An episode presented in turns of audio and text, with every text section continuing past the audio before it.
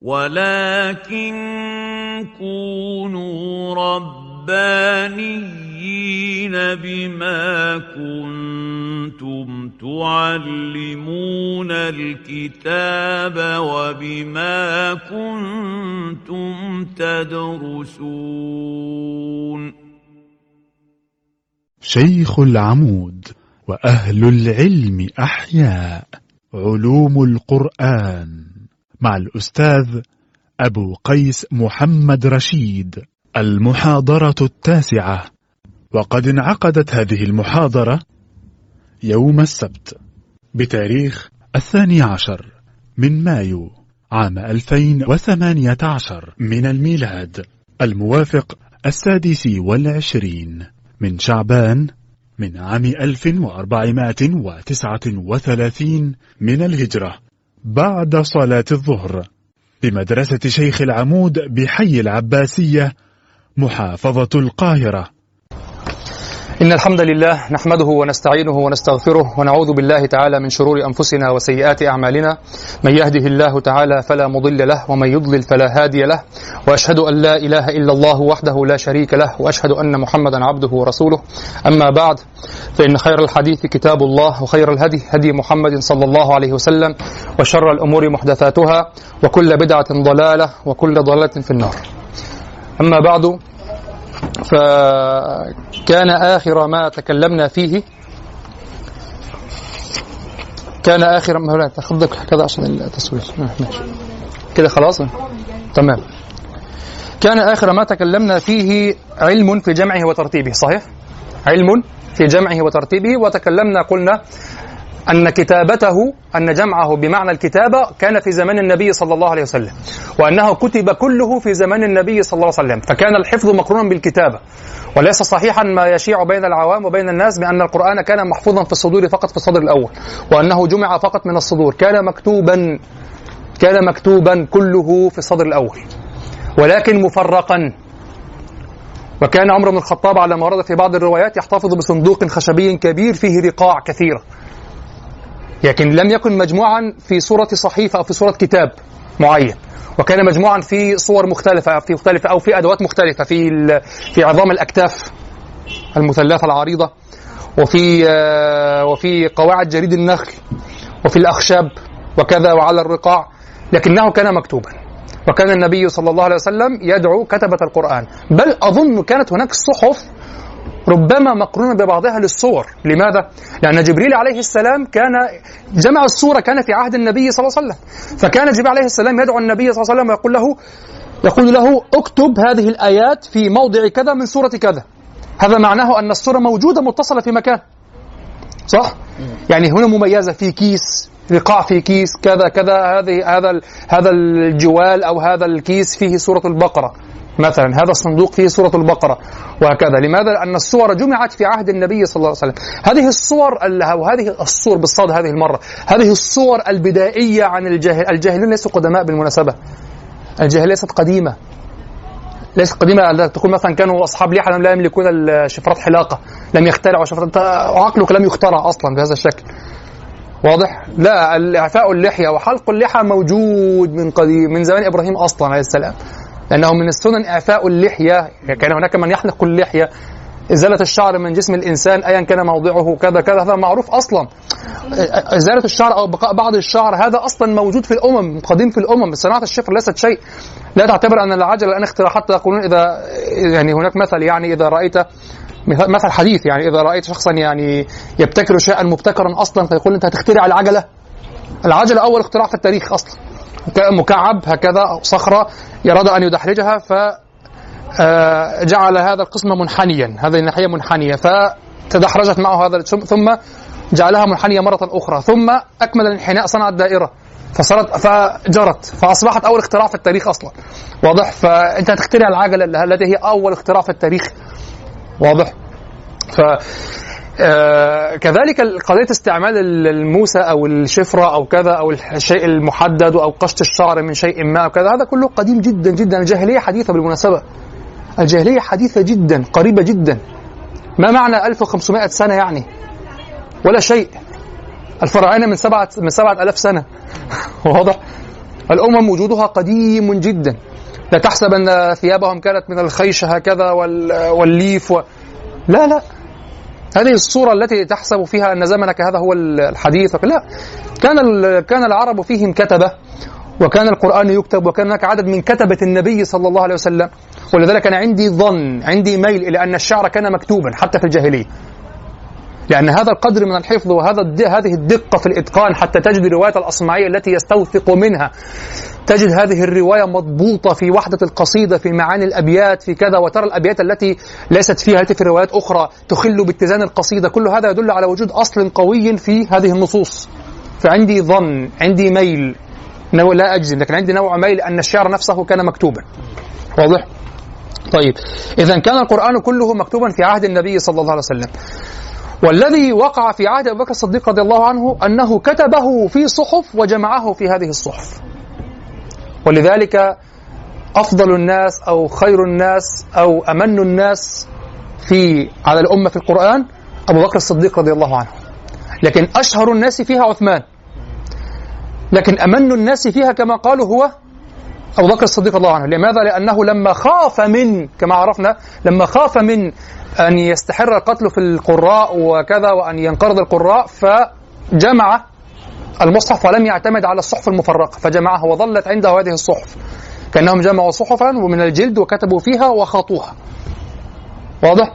فهذا المصحف كان موجودا، المصحف موجود من أيام أبي بكر، والقرآن مكتوب موجود من أيام النبي صلى الله عليه وسلم، لكن شكل المصحف موجود من أيام أبي بكر رضي الله عنه.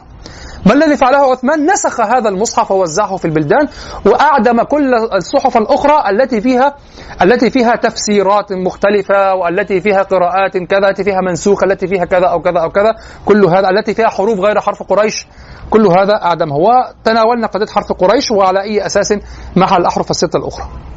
واضح؟ طيب هذا فيما يتعلق بجمعه وترتيبه. الآن نتناول بابا علم في عدد صوره وآياته. علم في عدد صوره وآياته. نقرأ المتن أولا. صوره مئة وأربع عشرة بالإجماع. وفي الآية عد المدينة ومكة والشام والبصرة والكوفة. وعليه من الفروع خلف الفاتحة والخطبة والصلاة والوقف. صوره مئة وأربع عشرة بالإجماع. وفي الآية عد المدينة ومكة والشام والبصرة والكوفة.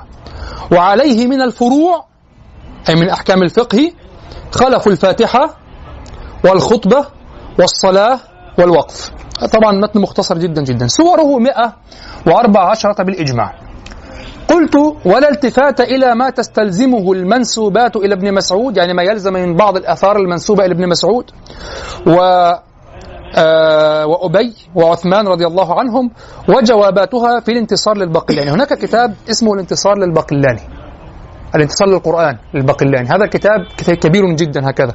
هذا الكتاب قيم جدا والباقلاني إمام متكلم كبير. وعنده وهو هنا في هذا الموضع حميد عنده حدة طبع في الرد واستيفاء وإسهاب. وهذا الكتاب من أفضل الكتب وهو موجود مصور بي دي اف يعني مصور بي دي اف اسمه الانتصار للقرآن. كتاب كبير كبير كبير يعني. انت أكبر أظن من كتاب إعجاز القرآن. الانتصار للقرآن. لا أدري كم صفحة لكن لا أذكر لكن أذكر أنه أنه كبير يعني. تناول فيه كل شبهة تتعلق بالقرآن والبقلاني بطبيعته يسهب جدا. ولا يمكن أن يقاس البقلاني رضي الله عنه بما حتى لا يفهم مني هذا بما أو حتى لا يظن ذلك من كلامي بما فعله مع آه، قفا نبكي. لا البقلاني إمام كبير إمام كبير ومتكلم وكل إمام له كبوة وكل جواد له كبوة معروف لابد. وأنا أرى أنه كبى في نقده للشعر ولكن حتى في نقده الأدبي عموما خر آه. حتى في نقده الأدبي عموما هو آه إمام كبير حتى في النقد الأدبي لكن تحمس تحمسا زائدا فقط لما يعني لما قيل في عصره إن الشعر امرئ القيس أفضل من القرآن وأعلى من القرآن. هكذا قيل. قيل له وكان هناك من يقول هذا في عصره. قالوا شعر امرئ القيس أبلغ من القرآن وأحلى من القرآن. فاخذ أخذ هذا ردة فعل وواضح أنه كان يكتب بعصبية. عصبية يعني بانفلات بانفلات الجأش يعني. انفلت رباطه لماذا؟ لأنه كان هذه الكلمة مجرمة يعني. واضح؟ فأخذ يدافع عن القرآن فوضع غضبه في قفا نبكي. واضح؟ على امرئ القيس. فأساء جدا في الحقيقة. وهذا البحتري أيضا. لكنه أساء جدا جدا. نعم. لكنه في الحقيقة حتى في التذوق الشعري له له باع. ومستواه أعلى مما في قفا نبكي بكثير لا مقارنة أصلا. له حس وشعور عالي. مع كونه أصلا اماما متكلما كبيرا. فهذا الكتاب الانتصار للقرآن كتاب رفيع جدا. نعم تفضل. طيب. هنا أقرأ لكم بعض ال- الآثار من الإتقان.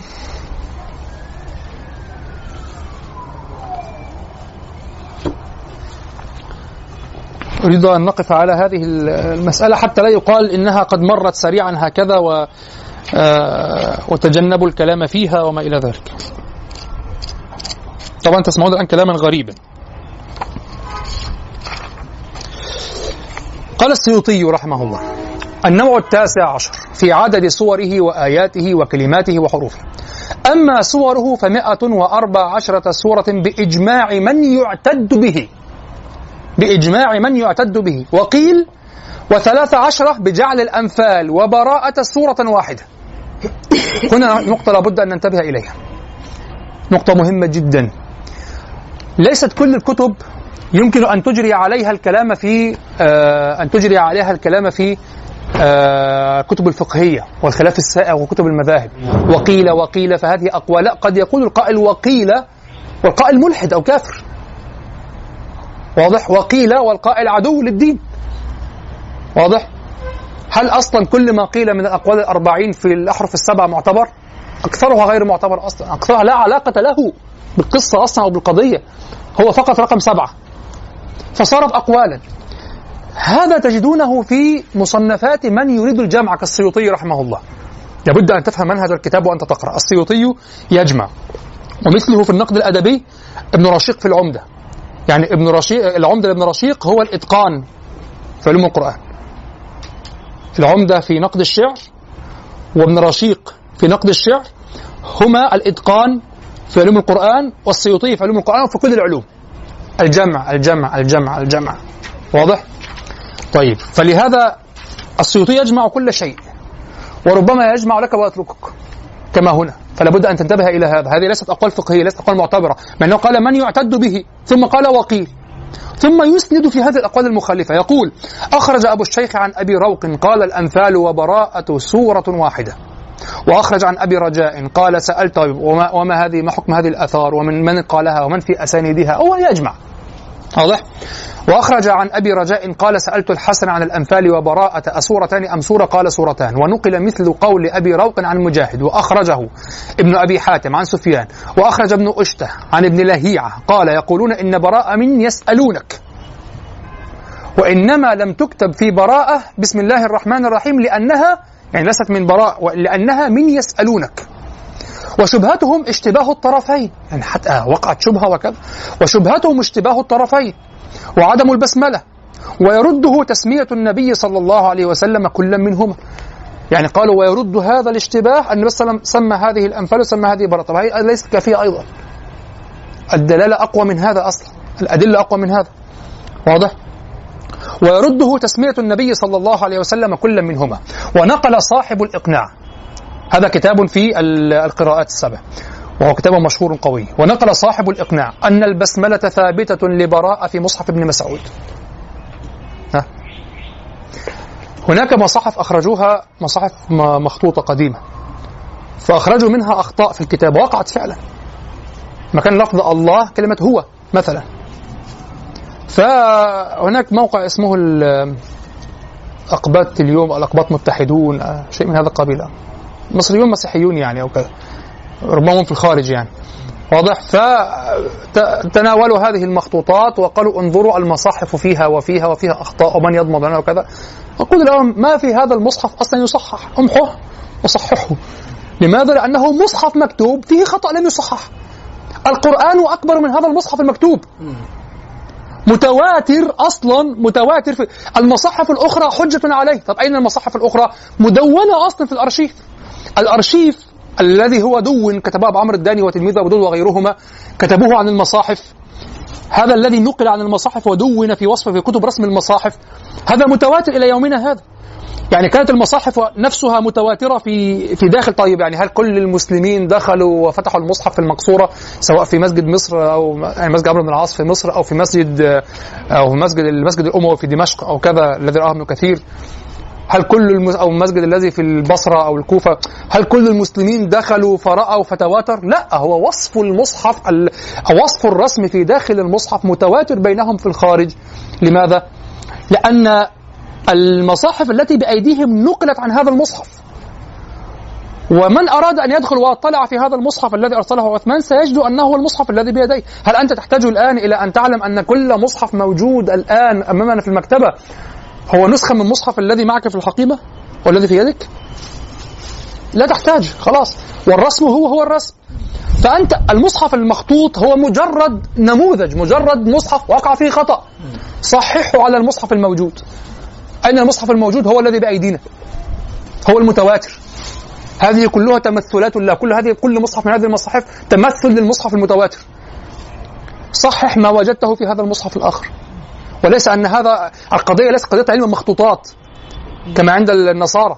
ننقل عن وجدنا مخطوطة في كذا. لا هذا مصحف منشور. هل مثلا في الشعر وجدنا مخطوطة في المعلقات؟ لا هي أصلا مروية عن كان يقولون عن طوب الأرض.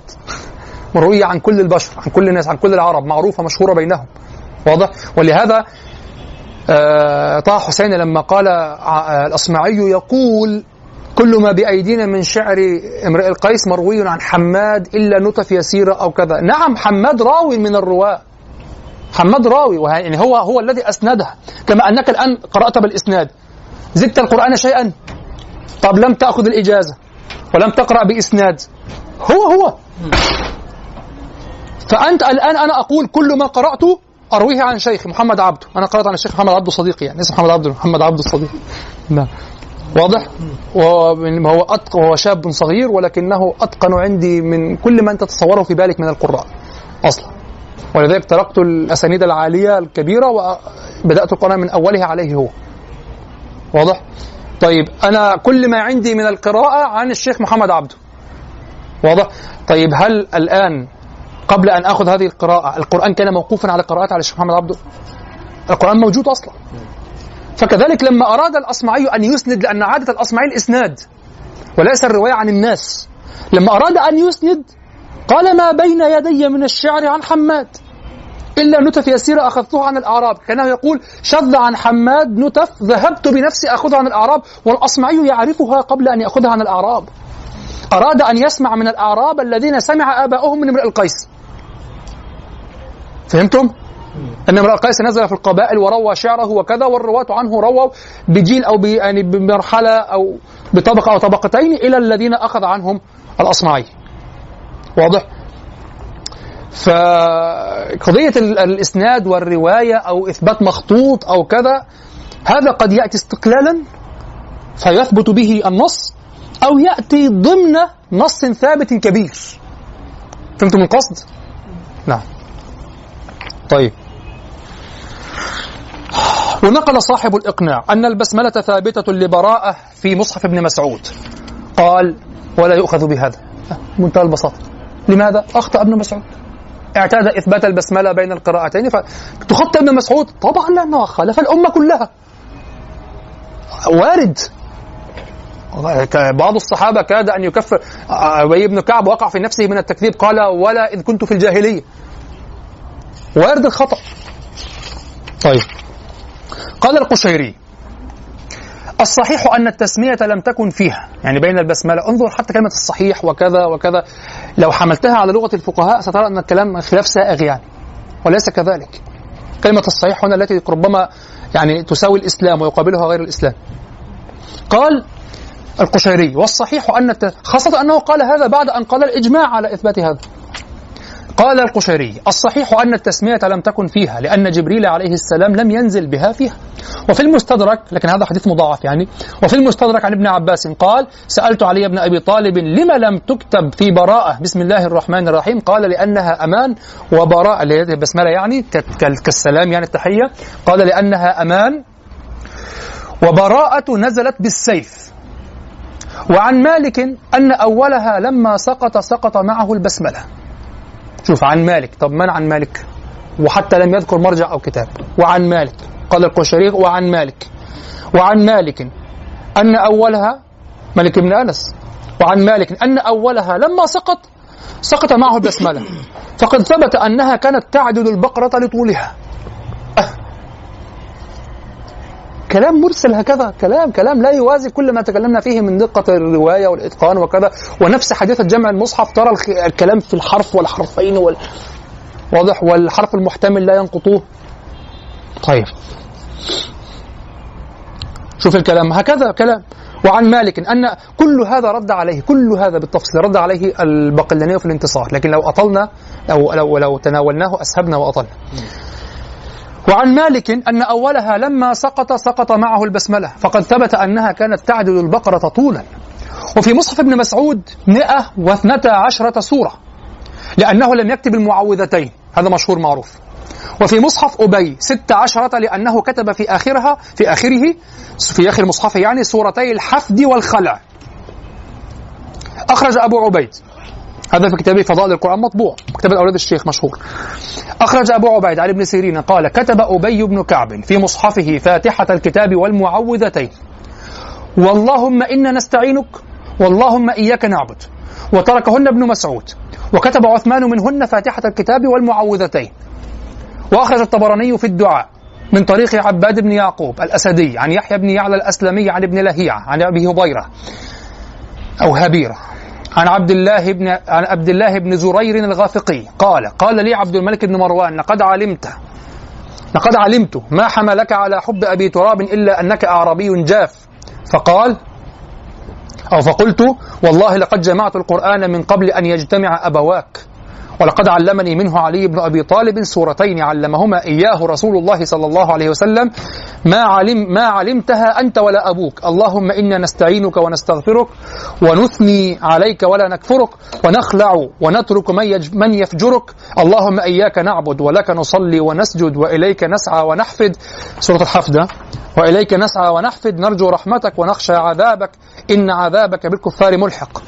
وأخرج البيهقي من طريق سفيان الثوري عن ابن جريج عن عطاء عن عبيد بن عمير أن عمر بن الخطاب قنت بعد الركوع فقال بسم الله الرحمن الرحيم اللهم إنا نستعينك ونستغفرك ونثني عليك ولا نكفرك ولا ونخلع ونترك من يفجرك بسم الله الرحمن الرحيم اللهم إياك نعبد ولك نصلي ونسجد وإليك نسعى ونحفد نرجو رحمتك ونخشى عذابك إن عذابك بالكافرين ملحق.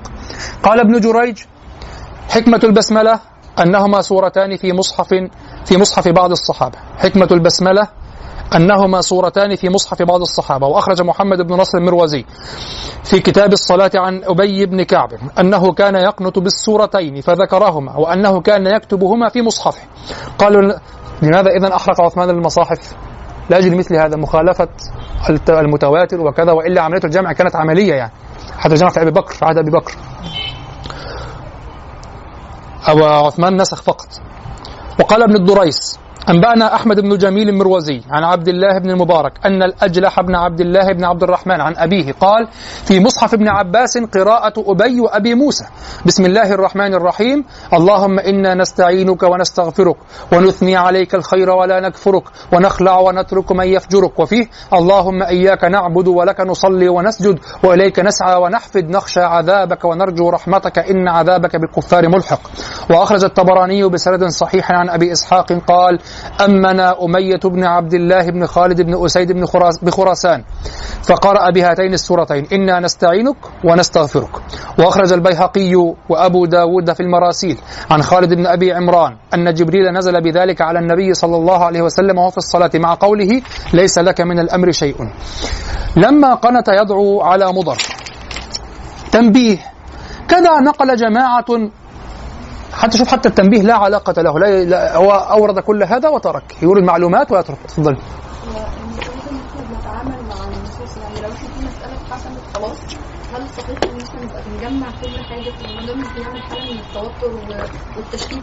لماذا أنا قرأت هذا الكلام الآن؟ لأبين لكم أنه يأتي في سياق معين هو خارج هذا الكتاب. السياقات معتبرة جدا جدا في التراث. السيوطي يتكلم بهذا مع كونه قال في الأول الجماع من يعتد به. الذين هم الأمة. خلاص بعد ذلك يورد كل ما عنده. منهج الكتاب هكذا. كل هذا قيل. حتى لي- ليس انه قيل في الحقيقة. قيل في أسانيد. هو لم يقل أصلا ربما. يعني ربما أكثر هذا لم يحس... لم يكن في مصحف مصاحف الصحابة مثل هذا الكلام أصلا. ولم يرد على الاساتين مثل هذا الكلام أصلا. واضح؟ لكنه يأتي بالمراجع ويلحق بالمراجع. السيوطي أحيانا ينقل الصفحات كاملة. ولا ينسبها. لا يقول قال فلان. على لسان نفسه. صفحات كاملة ينسخها. ولا أتهمه في هذا لكن كأنه في ذلك ماذا يفعل؟ كأنه في ذلك يرى أن هذا مثل من الكلام العادي والمعلوم الذي يعني لا ينبغي أن ينص فيه كذا يعني ليس شعرا وليس نصا تحقيقيا وليس كذا. جمع جمع جمع فقط فالحقه. هو السياق مش خاص بشيء آه، يستدعي كده؟ إحنا بنتكلم عن كتاب هي وجمع هو هو ثبت أن الكتاب 114 سورة بال... لذلك هنا الدكتور دكتور فضل. عباس. اختصر جدا في هذا الباب انظروا ماذا قال. وهو يعني خير ما فعل يعني. انظري ماذا قال. هكذا قال في ثلاثة أسطر. قال أجمع المسلمون على أن عدد سور القرآن 114 سورة. لذا لا يعتد بقول من يقول أقل من ذلك فقد ذهب بعضهم إلى دمج سورتي الضحى والشرح وسورتي الفيل وقريش. وهذه السور الكريمة تبتدئ بسورة الفاتحة وتنتهي بسورة الناس. بس خلص. تحقيق خلص. انتهى التحقيق. واضح؟ هو لذلك أنا أقول هذه السياقات البعض يورد هذه الأشياء ويأخذ منها الشبهة. أنا أسابق بهذا قبل أن يفعل. هم يفعلون هذا أصلا الآن. انظر ماذا قال السيوطي. كأن السيوطي يقصد أن يعلمك بهذه المعلومة لتثبتها السيوطي يقول لك ما قيل. وأنتم درستم في البلاغة أن الخبر قد يراد منه نفس الخبر وقد يراد منه لازمه أو أشياء أخرى خارجه يعني مع ان هذا هو أصلا محل الاشكال في- مع كتب التراث ومع الإسلام ومع أيوه إحنا نقول بعض كتب المشكلة أيضا عندنا لم نفهم كتب التراث تورد كي... كيف تورد أحيانا؟ أحيانا بعضها يورد كفرا هكذا. يعني مثلا إمام يؤلف كتاب في السحر. السحر ونيته أن تعلمه فقط. حتى تجتنبه مثلا يعني ان أن يكون قد دون بس. علم دون حتى تعلمه حتى حتى يرجع إليه من أراد. لكن لم يقدم خطبة. يعني هو لا يضع كل شخصيته. وكل مراده في الكتاب. يراعي سياقا معنى أتذكر في هذا المقام أبو حاتم السجستاني لما روى كتاب خلة الشعراء عن الأصمعي. ماذا فعل؟ ذهب إلى ال... إلى الأصمعي وأخذ يسأله عن الشعراء. فقال له في هذا المقام قال له من أشعر الناس؟ قال النابغة. قال أتقدم عليه أحدا؟ قال لا ولا علمت أحدا يقدم عليه أحدا. أه. فقال ال- ال- أبو حاتم هذا الكتاب في حلة الشعراء مطبوع في دار الجيل ومنشور في كل مكان. وموجود على موجود موجود مصور موجود طبعات مختلفة يعني طبعاته كثير. فيقول فلما رآني أكتب قال بل أولهم امرؤ القيس. آه واضح أنه كان هناك سياق في هذا العصر أن الذي يكون مدرسة ومذهب الأستاذ أنا لذلك أنا أسمي النابغة الأستاذ.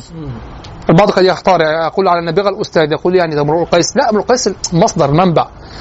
لكن ليس الأستاذ. يعني امرؤ القيس ليس الذي الذي يذهب إلى سوق عكاظ ويجلس وي... امرؤ القيس كل شعر ثلاث قصائد تقريبا أو كذا وهو أنشدها في في في في فجيعته وفي محنته وكذا وخلاص فهو مصدر شعري. لكن من الأستاذ الذي حوله إلى مذهب وعلم ويجلس وكذا؟ النابغة. فواضح أنهم في هذا العصر كانوا يتدارسون الشعر فكان الأستاذ النابغة. وكان امرؤ القيس خارج السياق في السؤال عن المدرس الشعر. والمذاهب والاتجاهات.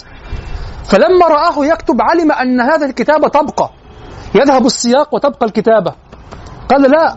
قل لما رآني أكتب فكر قليلا ثم قال بل أولهم امرؤ القيس. هل لما فكر أن يغير مذهبا قال لا ولا أعلم أحدا قدم على النابغة أحدا. يعني هذا فجأة غيرت كلامك؟ لا لم. وانظروا إلى أبي حاتم يقول لما رآني أكتب. يعني هو راعى أنه نظر أن كلامه مبني على الكتابة. لما رآني أكتب لا استنى انتظر. السياق سيذهب. السياق التاريخ سيذهب. ولن يبقى إلا المكتوب. اكتب من الأول بقى. أنت الآن تكتب تاريخا. لا ينبغي أن تترك شيئا للسياقات التي ستتبدد ستذهب. الناس سيعتمدون على كتابك فقط. واضح. ولذلك الشعراء المتأخرون يعابون بأن يكتبوا الشعر يعابون بأن يكتبوا الشعر وهم يكتبونه صناعة بأن يكتبوا الشعر إلا هذا ظهر خلاف في العهد الأندلسي أو قبل ذلك. هل الأفضل أن يكتب الشعر أو في العهد الأندلسي هل الأفضل أن يكتب الشاعر الشعر آه، بحيث يفهمه كل الناس؟ أم بما يتراءى له أو يعني بما يفهمه هو أهل عصره وكذا ويترك نفسه على سجيته؟ لأنهم علموا بعد ذلك لما تحول الشعر إلى ثقافة وتحول الشعر إلى دراسة وتأريخ وكذا علموا أن هناك من الشعر ما لن يفهم بسبب ضياع بيئته. فالآن أصبح عليك أنت أن تفعل هذا لم يعب به الجاهليون. يعب به من أدركوا القضية. أنت الآن ينبغي بعد أن علمت هذا أن تكتب الشعر الذي يبقى. ينبغي ألا تذكر أسماء أماكن لا تعرف. ينبغي ألا تذكر أسماء أحداث لا تشتهر. ينبغي ألا كذا. ينبغي ألا كذا. ينبغي أن تترك الأمر مفتوحا. واضح؟ حتى أحدهم قال لي في مرة يعني في مرة هجوت أحدا في أبيات وأنشدتها لما لأحد محبيه. فقال لي ولماذا تكتب الشعر يعني آه ليس عاما للإنسانية؟ قلت لا لا اطمئن هذا رجل لن تضيع سيرته. سيبقى في الإنسانية وسيرونه في الشعر وخارج الشعر. فسيفهمون الشعر اطمئن لن ت... سيبقى في التاريخ لكن بشكل معين. واضح؟ بس لكن ال... لما رآه لما. لما رآه يكتب ما فعل ماذا؟ قال لا أكتب من الأول هكذا هناك كتب هكذا سياقات مولانا لما رآه يكتب فعل ماذا؟ لا أكتب من الأول هكذا أنت في الأول كنت تسألني ما كنت أنتبه لأنه ساله كما أقول في في مرضه في آخر موته آخر حياته يعني فأجابه في الأول لما لم ينتبه إلى أنه يكتب. لما رآه يكتب أو لما أخرج الدفاتر ليكتب قال لا لا انتظر امرؤ القيس اكتب من الأول. واضح؟ لأنه يعلم أن السياق سيذهب. إذا تفهمين من هذا أن هذا أن أن قوله في النابغة كان سياقا. ويشهد له جزمه بأن جزمه بأنه لا أحد معه ولا يعلم أحدا فضل عليه أحدا. يعني في المدارس. هنا نفس الأمر في الكتب. سياقات تاريخية. هل السيوطي يقصد من هذا غير أن يثبت هذه المعلومات؟ لا. هو قال في الأول إجماع من يعتبر بل هو يتكلم في ثقافة موجودة هي التي عندنا الآن وهو أن القرآن 114 سورة فقط. انتهى. 114 سورة. لا زيادة ولا نقصان. بل عندهم كان العلم بهذا أعمق. كانوا يعلمون قدرا من العلم أزيد وهو الثقافة وهو الإجماع وأنه لا ي... ويعلمون أن هناك أقوال تقول بأقل وأقل تقول بكذا. نحن لا نعرف إلا أن هذا المصحف كما هو هكذا. يعني حتى عندهم كان في عصر السيوطي كان عنده علم أكثر. من خمسة قرون السيوطي. واضح؟ أو أكثر. كان أو ستة قرون تقريبا. لأن مات سنة 911 ف صارت صارت هناك الآن ثقافة فقط على هذه هذا العدد، لكن كانت عندهم كان عندهم يجمعون هذا العدد ويعلمون الأقوال. فهو في ظل هذه الثقافة يؤلف كتابا يجمع لك هذه المعلومات. وهذه إشكالات. طبعا لكن إذا أردت أن تأخذها على أنها إشكالات لكن هو على ما قال في الأول من يعتد به وعلى السياق الثقافي في عصره لم يعتبرها إشكالات. واضح؟ هناك كثير من كتب السيوطي أو تقريبا كل كتب السيوطي أو كثير من الكتب المتأخرة ألفت في سياقات معينة. كمثلا المتون الفقهية. الذي يفهم أن الفقه ينبغي أن يكون هذا الصورة من المتن الفقهي المجرد من كل شيء وكذا هذا لا يفهم. هذه أولا ثقافة عصر أو احتياج مرحلة للطالب. وليس أنه هو الفقه الذي يوالى ويعادى لا الفقه طبعا المطولات الفقه الفهم. واضح؟ الفقه هو البدائع للكاساني والكتب ظاهر الرواية المنقولة عن أبي حنيفة. محمد بن الحسن وكتب أبي يوسف والأم للشافعي والمدونة لمالك. هذا هو الفقه في الحقيقة الفقه في مستواه الحقيقي. واضح؟ طيب. تنبيه. كذا نقل جماعة عن مصحف أبين أنه هو يورد كل شيء. هذا هو قصده في هذا الكتاب. أنه ست عشرة سورة والصواب أنه خمس عشر. يعني يحرر 16 ولا 15 وكلاهما باطل أصلا بالإجماع. واضح؟ شوفوا الصواب والصواب في سياق والصواب الصواب في المصحف أو في العدد المبطل أصلا. في الع... يعني الصواب في العدد الب... الصحيح أن الباطل عنده 15 وليس الصحيح أن الباطل 16 واضح؟ طيب. كذا نقل جماعة عن مصحف أبي أنه ستة عشر شوف الأمانة العلمية يعني يتحرى الصواب في النقل الخطأ عن أبي. ماذا قال بالضبط؟ أمانة الله آه أمانة النقل. مصحفه ستة عشر أم خمسة عشر؟ قال والصواب أنه خمسة, خمسة عشر.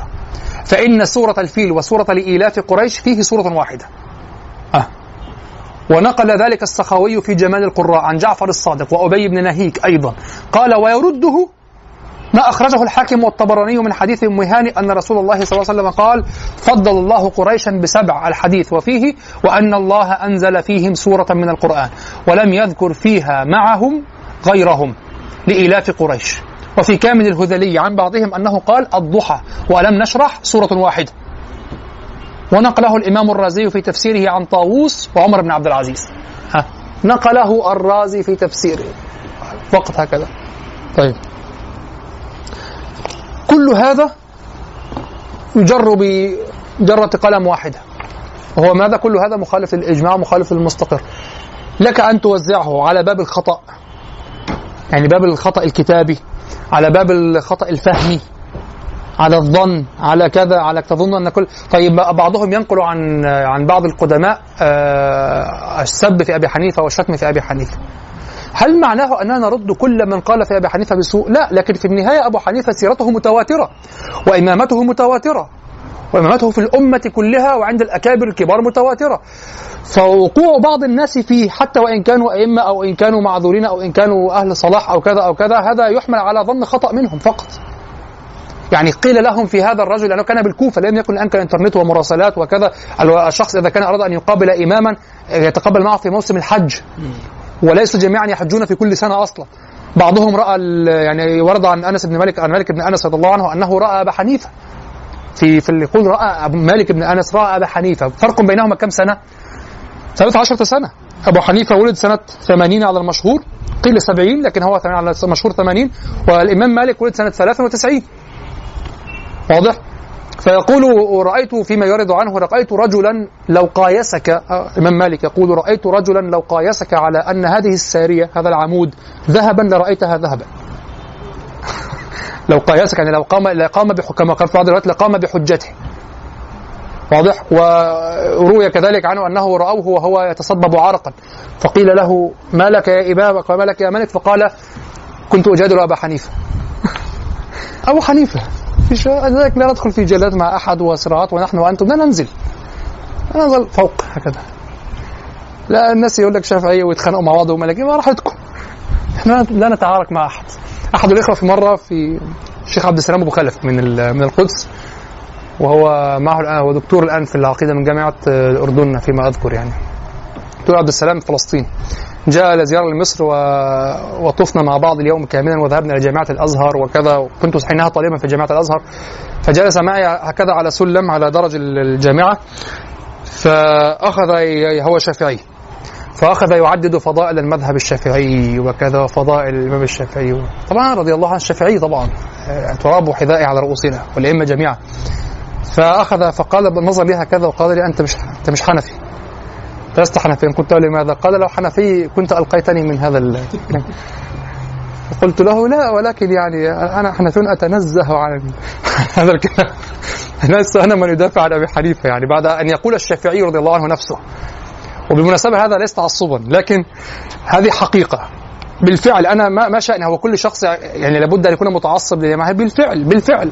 وأنا بالمناسبة حتى لا يثبت التعصب أنا لا أقول أبو حنيفة حجة في اللغة. أبو حنيفة كان لم يكن عربيا.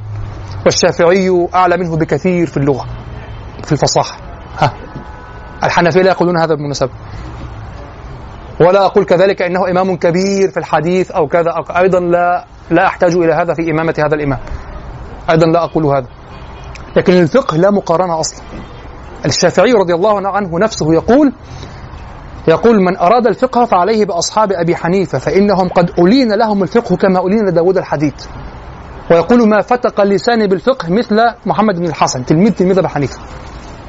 يعني هو ذهب إلى مالك وذهب إلى كل اللي ثم يقول ما فتق لساني بالفقه مثل محمد بن الحسن. طبعا أهل العراق معروف معروف. سواء كانوا أهل جدل في الأصل أو كانوا أهل أهل فقه بعد ذلك أو كذا أهل الرأي مفهوم. واضح؟ طيب نرجع. فأين كنا هنا؟ ها؟ نعم فقضية الخلاف في عدد الصور وأنه لا هناك إجماع منتهي وخلاص وهذه فقط أمانة نقل ليس أكثر يعني. نعم. طيب. ثم قلت وفي الآي عد المدينة ومكة والشام والبصرة والكوفة. وعليه من الفروع خلف الفاتحة يعني ما يخلف الفاتحة في القراءة. والخطبة يعني مسألة المقدار في الخطبة أو ما يقال في الخطبة. والصلاة ما يقرأ في الصلاة. والوقوف يعني علم الوقف والابتداء. يعني ها وكلمة وعليه يعني ينبني عليه. قلت وفي الآي يعني وفي عد الآي عد المدينة يعني مذهب أهل المدينة. في عد الآي كم العدد؟ عد المدينة. ومكة يعني مذهب مكة في العد والشام والبصرة والكوفة. وعليه يعني وينبني على هذا الخلاف من الفروع يعني من الفقه خلف الفاتحة والخطبة والصلاة والوقوف. خلف الفاتحة والخطبة والصلاة والوقوف. قلت في الشرح مرجع الخلاف هو الفاصلة وما جاز من الوقف. ويؤول كل مذهب إلى سلف من الصحب والتابعين. آه. الخلاف في عدد الآي يرجع أصلا إلى مذاهب قديمة عند الصحابة أنفسهم. يعني. بعض الصحابة يعد الآي كذا وكذا. يعني عدد القرآن عدد آيات القرآن كذا وكذا وبعضهم يعدها كذا وكذا. انتبهوا إلى ما سيأتي. والخلاف ليس في الوجود والعدم. انتبهوا انتبهوا. والخلاف ليس في الوجود والعدم وإنما في موضع الوقف وقدر الآي. آه ما معنى هذا الكلام؟ البعض يقول يعني أنتم اختلفتم في عدد آي القرآن. الكلمات والحروف هي هي. وإنما الخلاف فيه. هل الوقف الذي تم هنا هذا وقف هذا وقف لأجل أنها رأس آية؟ أن هذه اللفظة رأس آية؟ عندها رأس آية؟ فاصلة يعني؟ أم لكونها موضع وقف. يعني مثلا المشهور عندنا قراءة آه عد الكوفة نحن الآن على عد الكوفة في المصاحف. الرحمن خلق الإنسان علم القرآن خلق الإنسان علمه البيان. كم آية؟ في عد أهل المدينة؟ الرحمن علم القرآن آية. الرحمن علم القرآن. خلق الإنسان علمه البيان آية. فلو قرأ صاحب عد المدينة المدني الذي يتبع عد من لو قرأ هكذا الرحمن علم القرآن. يقصد منها ماذا؟ الوقوف فقط للتدبر وليس لأنها الآية والكوفي يقف لأنها الآية. وإذا أراد المدني أن يظهر الآية يقرأ هكذا الرحمن علم القرآن. خلق الإنسان علمه البيان. آيتان هل وقع خلاف في عد الكلمات؟ في نفس الكلمات؟ هل أزيلت الكلمات؟ لا هكذا في كل المصحف. لكن الخلاف تقف بنية آية أم ليس بنية آية؟ أم بنية تدبر في داخل الآية. يعني تعتبر المعنى لم يتم؟ طبعا هل أنت عقلك لابد إذا كنت تفكر يذهب فورا إلى وما الفرق إذا بين الوقوف على الآية والوقوف على آه، موضع موضع تمام مثلا؟ صح؟ سترى نفسك تقول نعم. أول ما الآية فيها معنى تام. لا ليس مضطردا. ما الفرق إذا بين الآيات التي لم تتم فيها المعاني بين الوقوف على رؤوس الآية التي لم تتم فيها المعاني والوقوف على أجزاء الآيات تمام المعنى في داخلها ولم تتم الآية؟ إذا كانت بعض الآيات بالفعل وهي آيات بالإجماع لم يتم فيها المعنى. إذا لابد أن يكون هناك معنى يخص الآيات. سترى هذا غالبا عند عند الأثر الصوتي كما في الشعر عند الفاصلة الأثر الصوتي إما على علم على المطابقة كما في قافية الشعر أو على المقاربة كالميم والنون وكذا. واضح؟ هناك أثر غلبت الروم. في أدنى الأرض وهم من بعد غلبهم سيغلبون. واضح الروم؟ يغلبون. لابد أن تقف. وكما قال الشيخ طارق بن عاشور لو قرأت متصلا أهدرت جزءا من الأداء القرآني مقصودا جاء على نسق القرآن. كما لو أديت الشعر متصلا ووصلت الأبيات ببعضها بحجة ماذا؟ بحجة ال- اتصال المعنى. قال أهدرت جهد الشاعر أصلا. أهدرت قاعدة الشعر. وهو الصوت النغمة. التي في القافية. واضح؟ طيب. إذا والخلاف ليس في الوجود والعدم وإنما في موضع الوقف والابتداء. أظن الدكتور فضل عباس لخص كذلك هذا هذه الكلمة.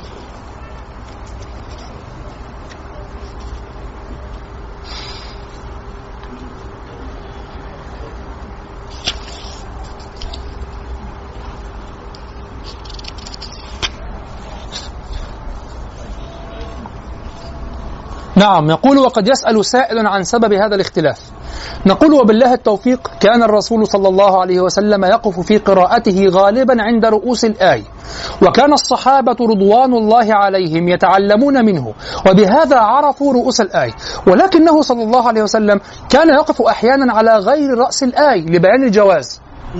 كان يقف أحيانا على غير رأس الآية لبيان الجواز.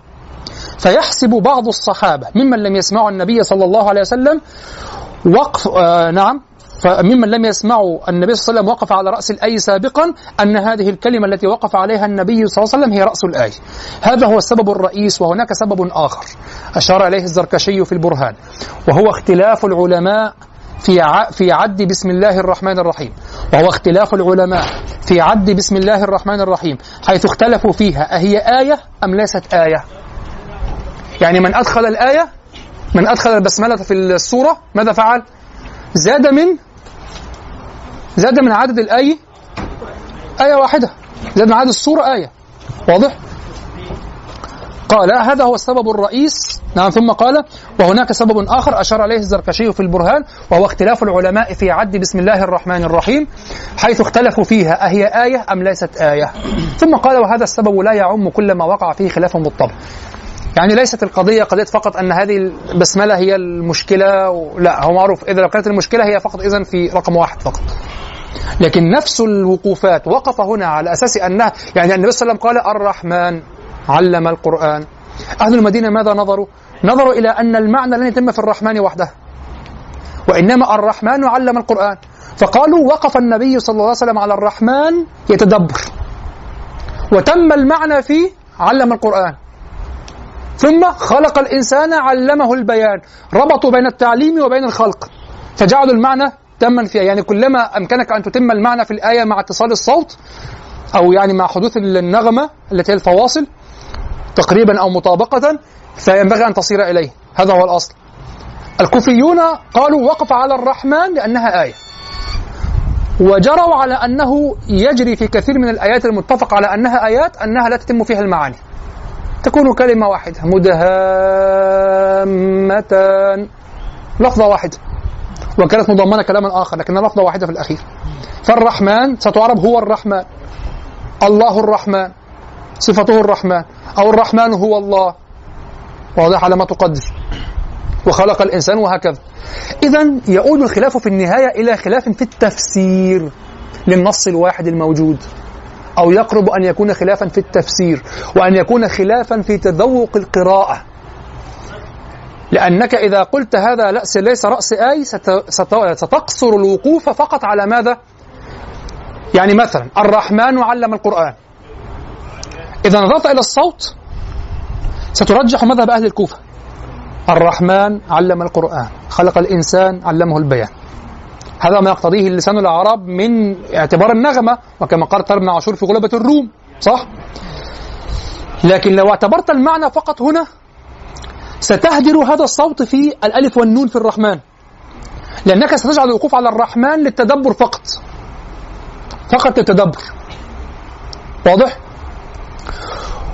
وستجعل الأصل الرحمن علم القرآن ولن تقف على آن تقول هكذا الرحمن علم القرآن فآن آن ذهب أثرها خلاص. لأنها أصبحت آن. الرحمن علم القرآن. ثم حتى خلق الإنسان. خلق الإنسان لا خلق الإنسان علمه البيان. أصبحت القرآن البيان. وأما الألف والنون في الرحمن. والألف والنون في الإنسان أهدرت فيها أهدر فيها العنصر الصوتي. فستقول هنا إذا الآية هي كذا وهذا ليس له اعتبار. الكوفيين يقولون لا نحن نرى أنها مقصودة هكذا. إذا لذلك قلت اختلاف في تذوق هل هل بالفعل الأفضل أن نقول الرحمن علم القرآن. وهذا أيضا فيه اختلاف في التفسير. لأنك لو قلت الرحمن ووقفت ستقدر مبتدأ محذوفا أو خبرا محذوفا. يعني هو الرحمن أو الله الرحمن. وهو معهود في الذهن. واضح؟ ثم علم القرآن. يعني هو علم القرآن أو علم هو القرآن. واضح؟ فالمعنى أصبح مختلفا عن الرحمن علم القرآن. لن تقدر شيء مبتدأ والخبر مذكوران. الرحمن مبتدأ وعلم القرآن خبر. خبر جملة فعلية صح؟ فيرجع الخلاف في التفسير فربما الذي يترجح لي هنا على أنني غالبا أكون مع يعني ارجح عدد أهل المدينة أحبه يعني لكن في هذا الموضع على الأخص ربما وهذا تردد فيه يعني مرة قلت من قبل أنا أفضل في عد أهل المدينة الآن أفضل عد أهل الكوفة لماذا؟ لأن انتبهت إلى أن الرحمن فيها معان مكثرة أصلا مع اعتبار الصوت الآخر فيه المعنى مع إهدار الألف والنون. فالرحمن يعني هو الرحمن وفيها وقوف هكذا. وتدبر. وليس أنها الرحمن فقط في الهواء. جملة تامة يعني. جملة تامة. الرحمن. وهي مشكلة مشكلة عندنا التحولات. هذه مشكلة تشغل بالي جدا. التحولات الدلالية في الكلام. أصبحنا الآن حتى من ضمن التحولات الدلالية عندنا أننا نقف فقط على نعتاد على الكلمة في الهواء مجردة. واضح؟ ولا تحسبوا أن أثر هذا في كلامنا هين أثره شديد جدا. تعرفون أمر القيس لما قال ولا سيما يوم مدارة جلجلي؟ كلمة لا سيما عندنا ما معناها؟ يعني ولا سيما يعني يعني ماشي وإن كان يعني صح؟ ولا سيما معناها ولا شيء يشبه. هكذا. ولا سية ولا شبيه ما لا سيما. ولذلك لعل الأفضل أن تقول ولا سيما يوما. فيها ثلاث وجوه. لعل الأفضل أن تقول ولا سيما يوما. يعني ولا شيء يشبه يوما. لأنه قال بعد ذلك ويوم عقرت للأعذار مطيا ويوم دخلت الخدر خدرا فعطف ونصب. ولا سيما يوما. يعني ولا شيء يشبه هذا اليوم. ولا سي شوف إحنا نقول ولا سيما. ما معنى ولا سيما؟ ولا سيما. يعني فربما ولا بأس بي. صح؟ لا سيما عندنا ولا بأس بي. جرب أن ما معنى ولا سيما عندنا؟ جرب. حاول تخترعها كده. حاول أن تعبر عن معنى ولا سيما. خاصة آه من يعرف.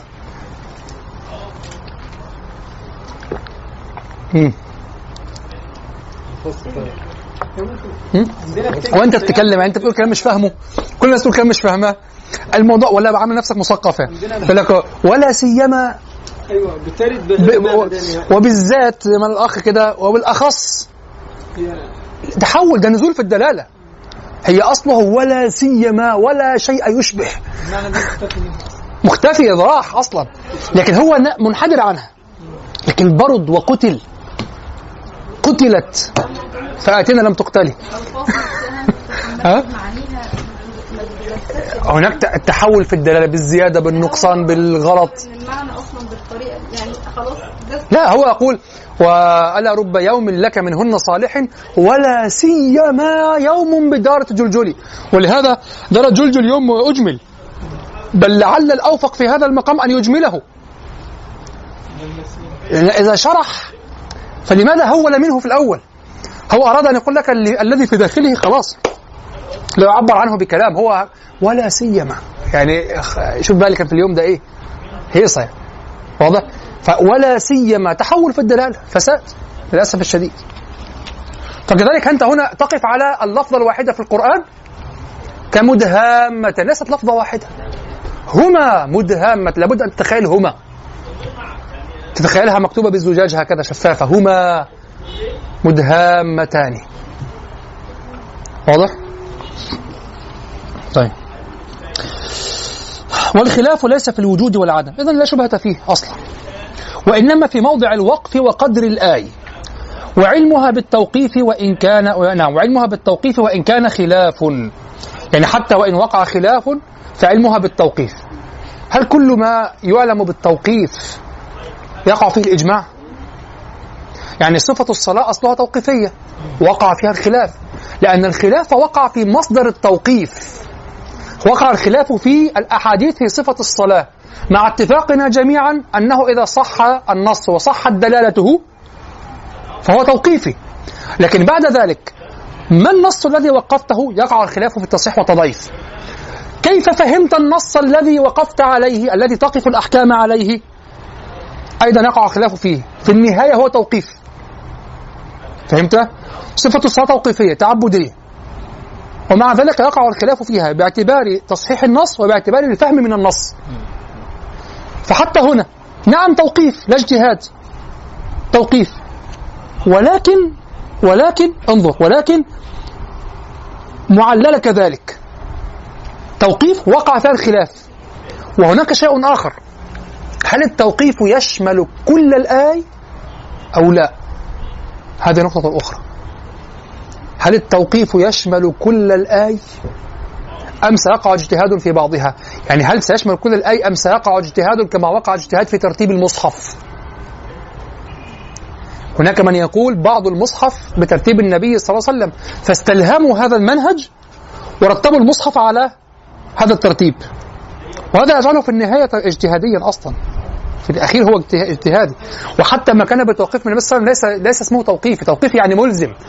يعني قد يكون مستحبا وهذا ليس توقيفيا. المست... الاستحباب هو التوقيف هنا. لكن التوقيف إذا أطلق يراد به الإلزام. كما رتبت الآيات لابد أن ترتب الصور فحتى الذي يقول البعض يقول بعضه توقيفي بعضه اجتهادي لا هو هو يقصد استلهم من فعل النبي لأنه أفعال. تذكرون أنها أفعال وليست وليست ضعوا كذا بعد كذا من الصور أفعال كان يقرأ بكذا وكان يخالف أحيانا كما ورد بعض النصوص. يخالف الترتيب. فهم استلهموا الاستحباب الفعلي في سائر القرآن. فرتبوا هكذا. استلهموه. فهو معتبر كما قلنا في النهاية وبالإجماع معتبر. يعني ترتيب الصحابة في النهاية ينبغي أن يكون أيضا يعني حوله سياج هكذا. لماذا هو أقل شأنه أن يكون ترتيب من فهم القرآن من نزل فيهم القرآن أصلا. واجتمعوا عليه. يعني تغيروا ليه؟ لماذا تغيره أصلا؟ واضح؟ طيب. هل الآيات كذلك؟ مولانا هل الآيات كذلك؟ لا لا لا. عادة حتى في الطلب لا يكون من أي أحد. هناك ما احضر كذا. جزاكم الله خيرا مولانا. بارك فيك كثير آه ترتيب الآيات. هل توقيفي كله؟ ماذا ترون في ذلك؟ آه. ترتيب الآيات. يعني ما قلته الآن في الرحمن وعلم القرآن والقوف على الألف والنون وكذا. سيكون هناك اجتهاد هو ابتداء توقيفيا كله. يعني جزاك الله خير. يعني هو موقوف على فعل النبي صلى الله عليه وسلم. ولكن الاجتهاد في تفسير هذا التوقيف يعني لما وقف على الرحمن علم القرآن خلق الإنسان علمه البيان. سيقفون سيفسرون يعني الكوفيون يقولون وقف لكلمة الرحمن والمعنى يتدبره فقط. أهل المدينة أو هذا أهل المدينة معذرة أهل المدينة وقف ليتدبر لفظ الرحمن وحتى إذا قدر المحذوف منه. واضح؟ وسيقول تمامه ما زال مستمرا. الأهل الكوفة سيقولون هذا رأس آية وقف للمعنى وللصوت. فالاجتهاد في التعليل التوقيفي. فهمتم؟ يعني أن النبي صلى الله عليه وسلم قرأ هكذا الرحمن ووقف. علم القرآن ووقف. خلق الإنسان ووقف علمه البيان ووقف. أهل المدينة يقولون وقف للمعنى. والأصل الرحمن علم القرآن. هذا نوع اجتهاد. أهل الكوفة قالوا وقف للآية ما معنى للآية؟ التي هي تناظر بيت الشعر في كلام العرب. فسيعتبرون الألف والنون أيضا من حيث كونهما صوتا مؤثرا في الأداء مع المعنى. واضح؟ يعني مثلا في الشعر. فبت رقيبا للرفاق على شفا أحاذر منهم من يطوف وأنظر. ومن يطوف وقفة لماذا؟ للمعنى. تقف في أثناء البيت أحيانا. ليس عند الشطر فقط في أثناء البيت. لتدبر المعنى لا للصوت بل الأصل أن توصل. ولذلك حتى المؤدون للشعر قالوا قالوا تقف بنية الوصل يعني التنوين تنوين. إلا في التصريع في الأول. واضح؟ طيب.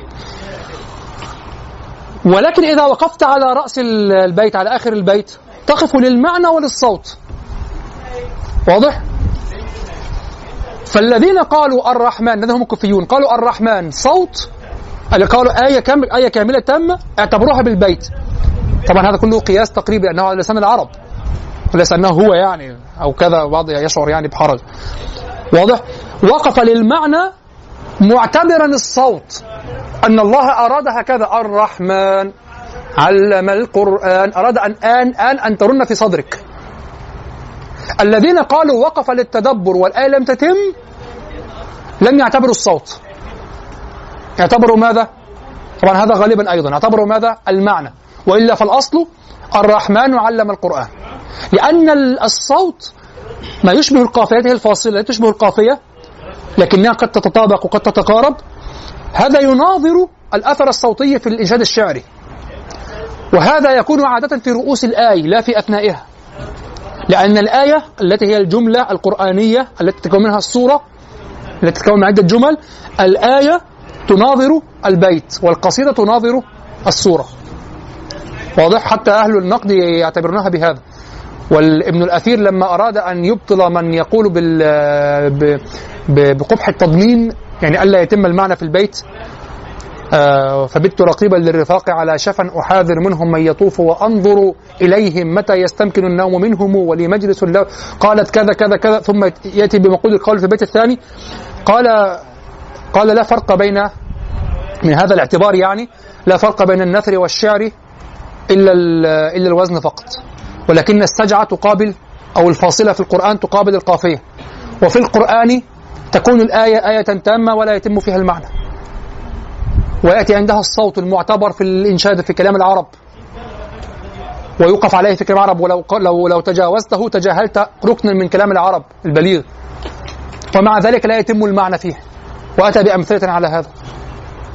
ترى المعنى أحيانا يتم في أول الآية الثانية ثم الآية تكمل في معنى جديد. صح؟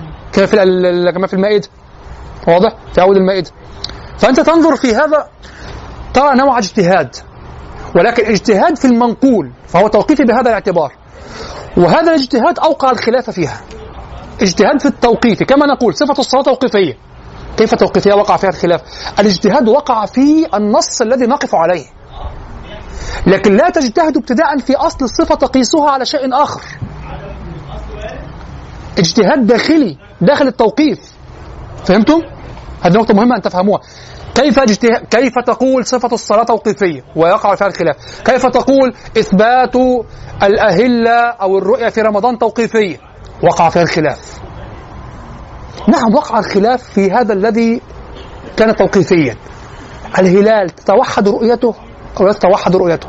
هل نعتبر اختلاف المطالع أو لا نعتبر اختلاف المطالع؟ واضح؟ أما أصل وجود المطلع والصيام مع المطلع والصيام مع رؤية الهلال توقيفي. ليس اجتهادا فهمنا؟ آه. طيب. ومن ثمرة الخلاف في عد الآي مما يظهر في الفروع ما يقرأ خلفا عن الفاتحة لمن لا يحسنها كما عند الشافعية. فخلفها سبع آيات. الشافعي من شافعي هنا؟ وأنت حنفي. الله شوف. حنفي متمكن. حنفي شفت حنفية متمكن؟ لم يصمتون هكذا ليه يربؤون كده حنفية هكذا. الشيخ سعيد فضل يقول ما وجدت حنفيا هذا من قديم الزمان يقول من قديم ما وجدنا حنفيا إلا كان عصبيا وشديدا في الحق. فيقول هكذا العز بن عبد السلام لما خذله الجميع في الفتنة التي فتنة المجسمة الذين اتهموه وكذا وأرادوا طرده من البلد وكذا من الذي ركب فرسه وذهب و ودخل على العلماء وبكتهم؟ وكيف تسكتون وأنتم وكذا وعلى فرسي هكذا؟ حنفي هم حنفي عظيم. الشيخ سعيد فودة يقول يعني الحنفية من قديم فيهم حدة هكذا وفيهم وفيهم أيضا يعني صمت هكذا عن كل ما يحدث في الأسفل تحت. نعم. ليس تعصبا يعني وصف الواقع. الله المستعان. غربة يا مولانا غربة. غربة من كل ناحية. قارنونا في الفقه أبا حنيفة بغيره. عجيب. عجيب. لا عجيب يعني عجيب من عجائب الزمان فعلا. سبحان الله. طيب.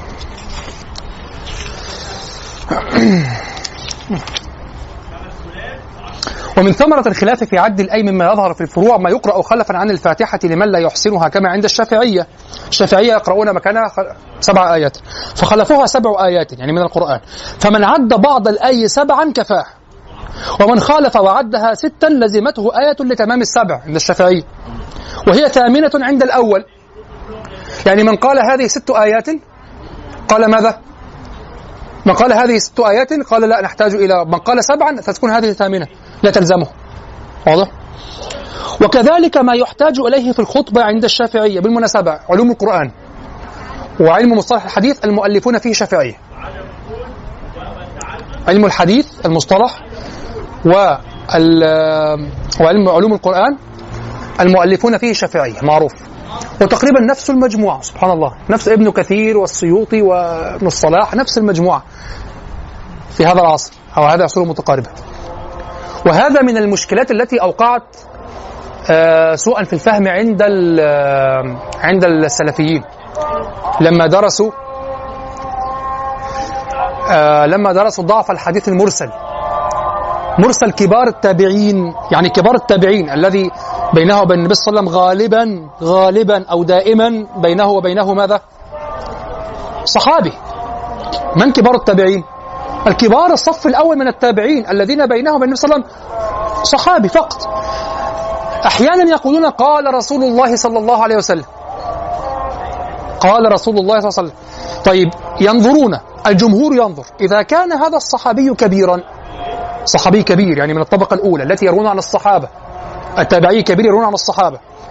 وكان ثقة كان كان تابعيا كبيرا في الطبقة الأولى وكان ثقة. هل سيقول قال الرسول صلى الله عليه وسلم وهو لا يتأكد؟ هو يعلم أن الذي بينه صحابي وأنت تعلم أن الغالب أنه صحابي. الشافعي رضي الله عنه وضع شروطا ثلاثة في الحديث المرسل حتى يقبل. واعتبره إجمالا من الضعيف. لأنك لا تضمن أن هذا التابعي قد روى عمن هو أصغر منه فلا يعرف عمن أخذ أو روى عن غير الت... عن غير الصحابي روى عن تابعين آخر لا نعرف حاله واضح؟ يعني وضع شروطا للقبول حتى يغلب على الظن صحة هذا الحديث ويكون حديثا من أحاديث الآحاد الصحيحة التي تغلب على تغلب على الظن صحتها خلاص؟ انت بسبب أن الإخوة الذين درسوا مصطلح الحديث من من السلفية المعاصرة وحينما أقول السلفية أقصد توجها معينا لا أقصد مسائل في الأصول أو كذا لا علاقة لي بهذه الأمور. لكن أقصد توجها موجودا ربما لا يعرف أصلا في في في يعني أصوله هو شيء. لكن هو توجه موجود. واضح؟ لما درسوا الحديث المرسل لما درسوا الحديث المرسل ماذا قالوا؟ وجدوا أنه من القسم الضعيف. هذا مذهب الشافعي. الذي اعتبره الشافعية مذهبا لما ألفوا الكتب. وهم الذين من الله عليهم بانتشار كتبهم في الحديث. هناك كتب لحنفية لم تنتشر. واضح؟ فيضللون من استشهد بحديث مرسل ويقولون انظروا هؤلاء يستدلون بالأحاديث الضعيفة. الحنابلة والمالكية والحنفية والجمهور عدا الشافعية يستدلون بمرسل كبار التابعين. بدون هذه الشروط. بمرسل الثقة بدون هذه الشروط. اقرأوا في الكوكب المنير شرح مختصر التحرير في أصول الفقه عند الحنابلة. الكوكب المنير مطبوع في دار العبيكان في أربع مجلدات. يقول والإجماع فيما عدا الشافعية على هذا.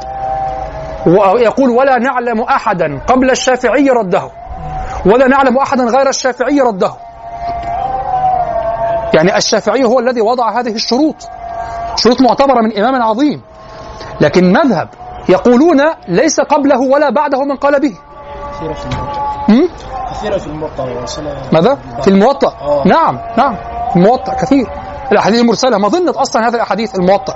لأن الإمام مالك مع من روى؟ مالك عن نافع عن ابن عمر. مالك عن نافع عن ابن عمر. شوف السند. فتأتي تضاعف هذه المرسلات هكذا أو هذه المراسيل. فعلى الأقل لا تنكر. على الأقل تعلم أنه مذهب يخالف الجمهور لكن لا يعلمون. هو كتاب المصطلح قرآن المصطلح أهو. يا أستاذي هذا مذهب. هذا مذهب. كلهم شافعية.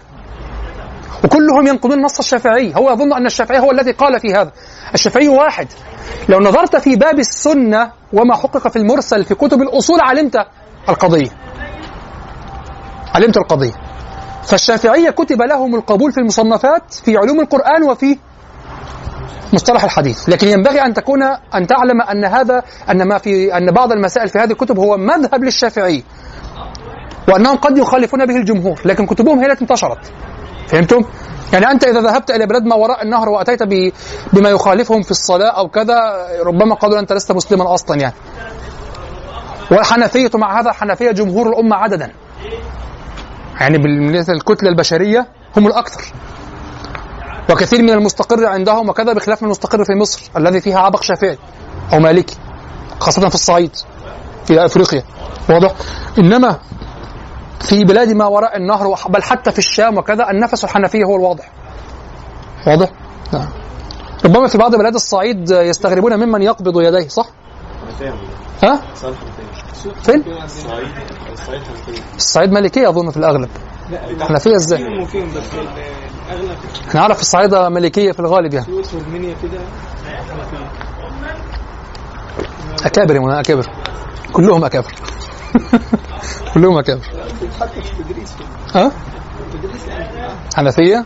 الص- أهل الصعيد حنفية في الغالب؟ أعرف أنهم مالكية في الغالب يعني؟ المنيا وأسيوط وسوهاج. الله أعلم. طيب. وكذلك القدر انظر. وكذلك القدر المقروء في الصلاة بعامة. لمن؟ لموافقة الوارد. يعني يأتي في بعض بعض النصوص كان يقرأ في الفجر بكذا ويقرأ في الظهر بكذا يعني يأتي بمقادير بعدد الآيات. فأنت تريد أن توافق السنة في هذا القدر ولو بالتقريب. فتحتاج إلى معرفة العدد لتوافق هذا العدد الذي ورد في السنة. هذا هو معنى قولي في المتن والصلاة. والصلاة يعني عدد المقروء في الصلاة. لتوافق صلاة النبي صلى الله عليه وسلم. وكذلك القدر المقروء في الصلاة بعامة لموافقة الوارد فهو يحتاج إلى معرفة العدد ويظهر الخلاف بالزيادة والنقص باختلافهم في عد القدر من المقروء. آية أو عدم عده فما يتمم به من لم. من لم يعد يكون زيادة آه فما يتمم به من لم يعد يكون زيادة عند من عده. مفهومة؟ أنا ما أعرفش اللي ألفته إزاي دي الغرور وحش. وكذلك العمل في باب الوقف والابتداء. باب الوقف والابتداء. يعني أين تقف وأين السنة الوقوف على رؤوس الآية. فلنفترض أنك تنوي الآن ألا تقف في في الوسط. في وسط الآية وتريد أن تقف على رؤوس الآية فقط. لأن السنة الوقوف على رؤوس الآية. هذا ينبغي أن يكون محتما يعني. حتى لا تهدر ال- المكونات النصية وهي الصوت الذي في رأس الآية في القافية في ال- في الفاصلة واضح؟ كما لا تقرأ الشعر بالاتصال فتهدر تهدر القافية. وكذلك العمل في باب الوقف والابتداء فيسن الوقوف على رؤوس الآية. فمن عد المقدار آية وقف ومن لم يعده لم يقف. أو وقف عليه بقصد الوقف الجائز لا بوقف لا بقصد الوقف أو الوقوف على فواصل الآية واضح. ومن غير الفروع يعني خارج قضية الفروع الوقوف على الإعجاز. إذ الإعجاز هذا على مذهب المشهور الموجود إذ الإعجاز يتحقق كما يأتي بآية على قدر سورة الكوثر. هذا على مذهب المشهور سيأتي التفصيل الكلام في هذا خطير جدا يعني. لكن هذا المشهور المتداول. إذ الإعجاز يتحقق كما يأتي بآية على قدر سورة الكوثر. وكذلك تحصيل فضائل الآية المخبر عنها. هناك تقرأ في آه، فضائل القرآن لأبي عبيدة وتقرأ في آه، وتقرأ في فضل بعض الآيات والصور عموما وكذا وكذا. فأنت إذا إذا علمت هذه الآية يعني بعض آية بسبب اختلاف في وقوف في وسطها أو إذا قلت إنها آية وكذا فهذا يظهر أثره كما قلت تحصيل فضائل الآية المخبر عنها. قلت وفيه ناظمة الزهر. هذه كتب منظومات في في علم الآية الخلاف. وفيه ناظمة الزهر وكتاب الداني والأنطاكي. والأخير حسن يليق بالمعاصرين. كتاب للأنطاكي.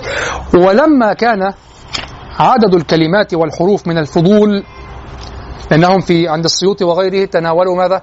عدد الحروف والكلمات. أعتبر هذا من الفضول وأنا لم أبني كتابي هذا على الفضول. قلت ولما كان عدد الكلمات والحروف من الفضول ولم يكن من المهمات لم أضمنه الكتاب.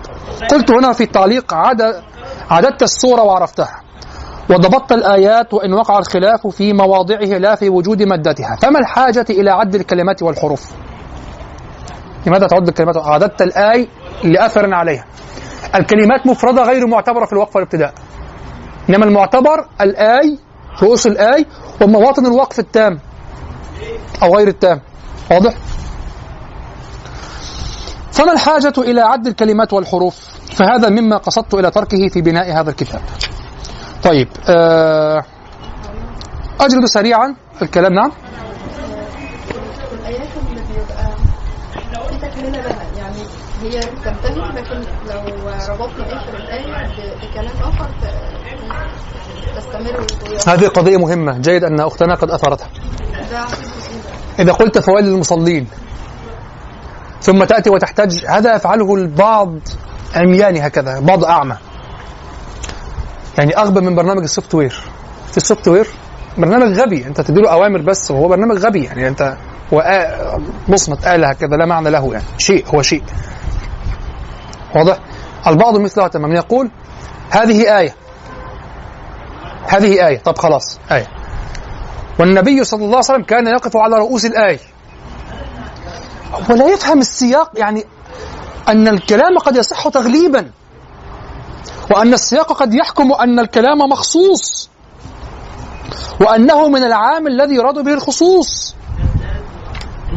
وأن الفعل أنك حينما تقول مثلا اقرأ كذا وكذا من الآي يمكن أن تريد من ذلك الآي غير التي يشتبه عندها المعنى. يعني الكلام في في كلام العرب واسع. البعض قد قد يذهب بهذا الفكر إلى أنه يقول فوائد المصلين. تركع طيب آه الدليل بيقول كده. كان يقف على رؤوس الآية ودي رأس آية طيب كان يقف على رؤوس الآية هل معناه أنه يستغرق كل الرؤوس؟ هل معناه أنه يقف؟ طيب وقفت هل في هذا الوقوف عدم إتمام للقراءة؟ لا ولكن إذا كانت آية إذا يمكنني أن أعد الآيات التي قرأها صلى الله عليه وسلم في في صلاته وردت في السنة وأن أعد آخر آية من هذا العدد فللمصلين. وأقف ثم أركع. أخي الكلام نفسه حديث النبي صلى الله عليه وسلم نفسه ورد في عرف عام من الكلام والقراءة. فهمتم؟ يعني هو نفسه ورد في سياق من الفهم. لا يؤخذ هكذا. معروف في كلام العرب أنك لا تقول يعني تخيل أنك أردت أن تنشد بعض أبيات معلقة من القيس فقلت فلما أجزنا ساحة الحي وانتحى بنا بطن حقف ذي ركام عقنقلي شكرا جزاكم الله خير فقلت له لما تمطى بجوزه وأردف أعجازا وناء بكلكلي شكرا لكم بالتوفيق. إيه لا استنى. أسأت. أسأت. واضح؟ هناك أمور أغلبية. هناك عام يراد به الخصوص. لماذا؟ السياق العام. القرآن بلسان عربي مبين. مفهوم أنه لا يليق بل ربما تعاقب على هذا أن تقف على هذا الوقف بل يساء بك الظن أصلا. فوائد المصلين وترك. أنت تستعبط وتصلي. آه فوائد المصلين أنت بتصلي على رأي اختنا هو بيصلي. الاختنا لها لها وقفات جميلة جدا. اعتبار المعنى. والصوت وال في داخل هذا اجتهاد الاجتهاد لا ينتهي. ده مش توقيفي بقى. الاجتهاد هنا لا ينتهي لأنه يتعلق هنا بالذوق والفهم. سيظل الاختلاف في التفسير قائما سيظل الاختلاف في ذوق الكلام قائما. يعني بالنسبة لي أكتر الايات المحيره دي يعني على الأقل في من المصلين المعنى ان في خلل في المعنى يحصل بدرجة لو توقفنا عليها لكن مثلا وهذا قضية الآيات القصيرة قضية الآيات القصيرة وهي اسمها آية. آية من آيات الله. شوف آية آية علامة. وكون كونها آية هذا يدل شديدا جدا على اعتبار هذه الآية في ظل سياق الكلام. وعلى اعتبار العنصر الموسيقي فيها العنصر النغمي. فويل للمصلين. ماذا فيها؟ فويل للمصلين. فويل للمصلين. فقط. فويل للمطففين. فويل للمصلين. لم يتم المعنى. هذا يدل على أصلا لو أخذت منه ظلا في الشعر تستدل منه على وحدة القصيدة وأن القصيده لا يمكن أن تفصل أبياتها. لا يمكن البعض لأن هذا ذوق متاخر وأنا دائما أقول ذوق المتأخرين العباسيين يتعارض مع الذوق القرآني. وأحتج عليهم بالذوق القرآني. ذوق الجاهليين أقرب لذوق القرآني. ترون الجاهليين يسرون الأبيات. فقلت له لما تمطى بجوزه وأردف اعجازا وناء بكلكلي تم البيت. لم يتم المعنى. هو هيأ للمعنى هيأ للمقول. صح؟ ألا أيها الليل الطويل فلما أجزنا ساحة الحي وانتحى بنا بطن حقف ذي ركام عقنقل حصرت بفودي رأسها فتمايلت علي هضيم الكشح ري المخلخل. ربما تسأل هنا وما فائدة أن يجعل هذا القدر من المعنى غير التام آه، مربوطا بالوزن والقافية في بيت اسمه بيت يعني بيت مغلق هكذا بيت. لماذا لا؟ لحظة. ما مفهومك للمعنى في الشعر أو في الآية؟ أنت تجعله معنى نحويا تاما يعني ينتهي الإعراب. صح؟ لا يتعلق بغيره. يعني فلما تحتاج جواب ينبغي أن تأتي بالجواب في نفس البيت. من قال لك إن وحدة المعنى تكون هكذا أصلا في في الشعر. ربما وحدة المعنى عندهم هي الشرط فقط قبل قبل جواب الشرط. فلما كذا وكذا وكذا وكذا أنا بلغت بالشرط فقط الذروة بك. ولم أعطيك جواب الشرط. أنا أريد أن أقرعك بجواب الشرط. أن أبهرك بجواب الشرط. فلما أجزنا انظر فهذا البيت دليل, دليل, دليل على هذا. فلما أجزنا ساحة الحي وانتحى بنا بطن حقف ذي ركام عقنقل أنت ذهبت بها إلى بطن مكان فيه ركام عقنقل يعني رمل متداخل لا تسير فيه الإبل ولا يمر منه أحد. أنت شوقتني ماذا استفعلاني؟ واضح؟ فلما أجز شوف ولما في الأول. فلما أجزنا ساحة ها لا اصبر. فلما أجزنا ساحة الحي فقط ماذا فعلت؟ لا لسنا أجزناها فقط. فلما أجزنا ساحة الحي وانتحى مال بنا وانتحى بنا بطن حقف. حقف يعني هناك الرمال تصنع هكذا حقف مستدير هكذا من من الرمال. بؤرة هكذا كبيرة جدا. وأنت دخلت في بطن هذا المكان. هذا المكان فيه رمال متداخلة كالأمواج. يعني أنت دخلت في مكان لن يراك فيه أحد. وفي الليل. مكان أصلا يعني بعيد. فلما أجزنا ساحة الحي فقط لا. وانتحى بنا بطن حقف ذي ركام عقنقل أخذ خصلتين من شعرها وجذبهما عليه وكذا. فتمايلت عليه هضيم الكشح. أو على الرواية الإصمعية الأولى آه، إذا التفتت نحوي تضوع ريحها يعني بعد أن كسر في هذا المكان التفتت نحوه. واضح ستبدأ بقى ملحمة من الغزل والكلام الجميل وكذا. لكن فلما هنا مقصودة وهذا التشويق هو القدر المعنوي الذي أراد أن يضعه في هذا البيت الموزون الموسيقي مع القافية. ستقول ولكن البيت لم يتم ومن قال لك إنه لابد أن يتم؟ البيت مخلوق في قصيدة. الشاعر لم يقصد أن يجعله لك بيتا واحدا في الهواء يصنعه على فترات. هو قال قصيدة. البيت جزء من قصيدة. فويل المصلين؟ آية من سورة. طيب هل يستطيع أن يقول فويل المصلين نزلت في مكة الذين هم نزلت في المدينة؟ شوف ضحكت. هل يمكن أن تفرق في النزول حتى في مكة أو في المدينة؟ أن تفرق في النزول بين فويل المصلين وأنت تجزم هنا بدون أثر؟ شوف أنت هو أنت الآن. بحكم اللغة وبحكم المعنى. تجزم تجزم بدون لا تقول احتمال الله لا, لا تجزم بدون أثر وبدون توقيف. أنه يستحيل على عرف اللغة وعرف المعنى ومعنى الشريعة معنى الشريعة والقرآن أن ينزل فل المصلين ثم ينزل بعده الذين هم عن صلاتهم سهوا تجزم. معناها آية وآية ولم يرد لك فيها شيء. لا بالنزول جملة ولا بالنزول مفرق. لكن تجزم أنها نزلت جملة. صح؟ فلا بد من اعتبار هذا يعني نعم يقف على رؤوس الآية لكن لا تقف على هذه على هذا الرأس. مفهوم أن نقف على رؤوس الآية تغليبي. يأتي في ظل مفهوم من اللغة مفهوم من المعاني. الذين قالوا القرآن نزل مفرقا يعلمون وقالوا بالإجماع نزل مفرقا منجما يعلمون قطعا أن فل المصلين لم تنزل مفرقة عن الذين هم عن يعلمون. إذا هو عام يراد به الخصوص وهناك باب في اللغة وفي أصول الفقه العام الذي يراد به الخصوص أصلا نتكلم في البديهيات. طيب. طيب بالنسبة للعدد العدد المدني الأول طبعا العد المدني الأول هو ال- العد المعتبر المدني هو العد الثاني هو الذي أسند. أما العد الأول فهو كما نقلت كتبت هنا ينقله أهل الكوفة عن أهل المدينة مرسلا غير مسند. يعني هناك من أهل المدينة يقولون عد الكوفة كذا وكذا. هذا مرسل غير مسند ليس هذا هو المعتبر. المعتبر هو العد المدني الثاني هناك عدان مدنيان الأول والثاني. المعتبر هو الثاني. نعم. طيب. المدني الأول القرآن فيه ستة آلاف ومئتان وسبع عشرة آية. المدني الأخير الذي هو المعتبر ستة آلاف ومئتان وأربع عشرة آية. العدد المكي ستة آلاف ومئتين أو مئتان وعشرون آية. العدد البصري ستة آلاف ومئتين وخمسة. الكوفي ستة آلاف ومئتان وستة و... أه؟ وست وثلاثين آية. وثلاثون آية. الشامي ستة آلاف ومئتان وست وعشرون آية. إذا أكثرهم ماذا؟ من؟ عاد الكوفي. أكثرهم عاد الكوفي. نعم. وأقلهم عاد البصري. ستة آلاف ومئتان وخمس آيات. طيب. ثم قلت علم في معرفة حفاظه ولا هناك سؤال على هذا الباب أولا. استغرق منا حصة. طيب علم في معرفة حفاظه ورواته. أقرأ النص أولا.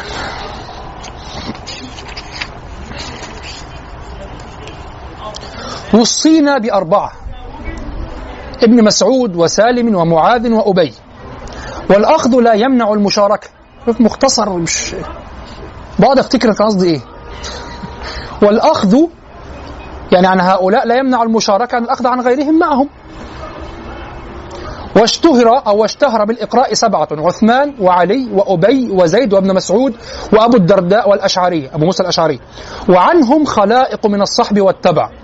ومن بعد تجرد للعناية قوم فترأسوا فللسبعة القراء حق على الورى لإقرائهم قرآن ربهم الوتر. شعرتم بشيء في هذه الجملة الأخيرة؟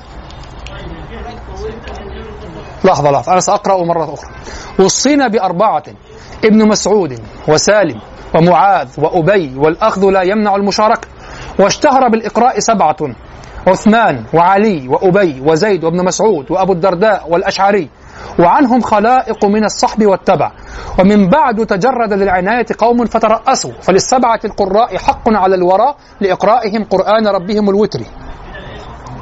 شعرتم بشيء في الجملة الأخيرة؟ موزونة. هذا بيت من قصيدة. قلت لكم سأدمج بعض الأجزاء من المتون في في النص. لكن شعرتم بنغمة فيها صح؟ بحر ها؟ نعم. فللسبعة القراء حق على الورى لإقرائهم قرآن ربهم الوتر. وطلب العلو في الإسناد يعني محمود للقرب. والنزول مع فضل علم أو حفظ أو إتقان أو جلالة أو شهرة أو ورع ممدوح وفاضل. وطلب العلو محمود للقرب. والنزول مع فضل علم أو حفظ أو إتقان أو جلالة أو شهرة أو ورع ممدوح وفاضل. طيب نقر الشرح. علم في معرفة حفاظه ورواته وصينا بأربعة ابن مسعود وسالم ومعاذ وأبي. والأخذ لا يمنع المشاركة. في حديث عبد الله بن عمرو بن العاص في الصحيح قال سمعت النبي صلى الله عليه وسلم يقول خذوا القرآن من أربعة وذكرهم. طيب نقرأ الحديث. من الإتقان.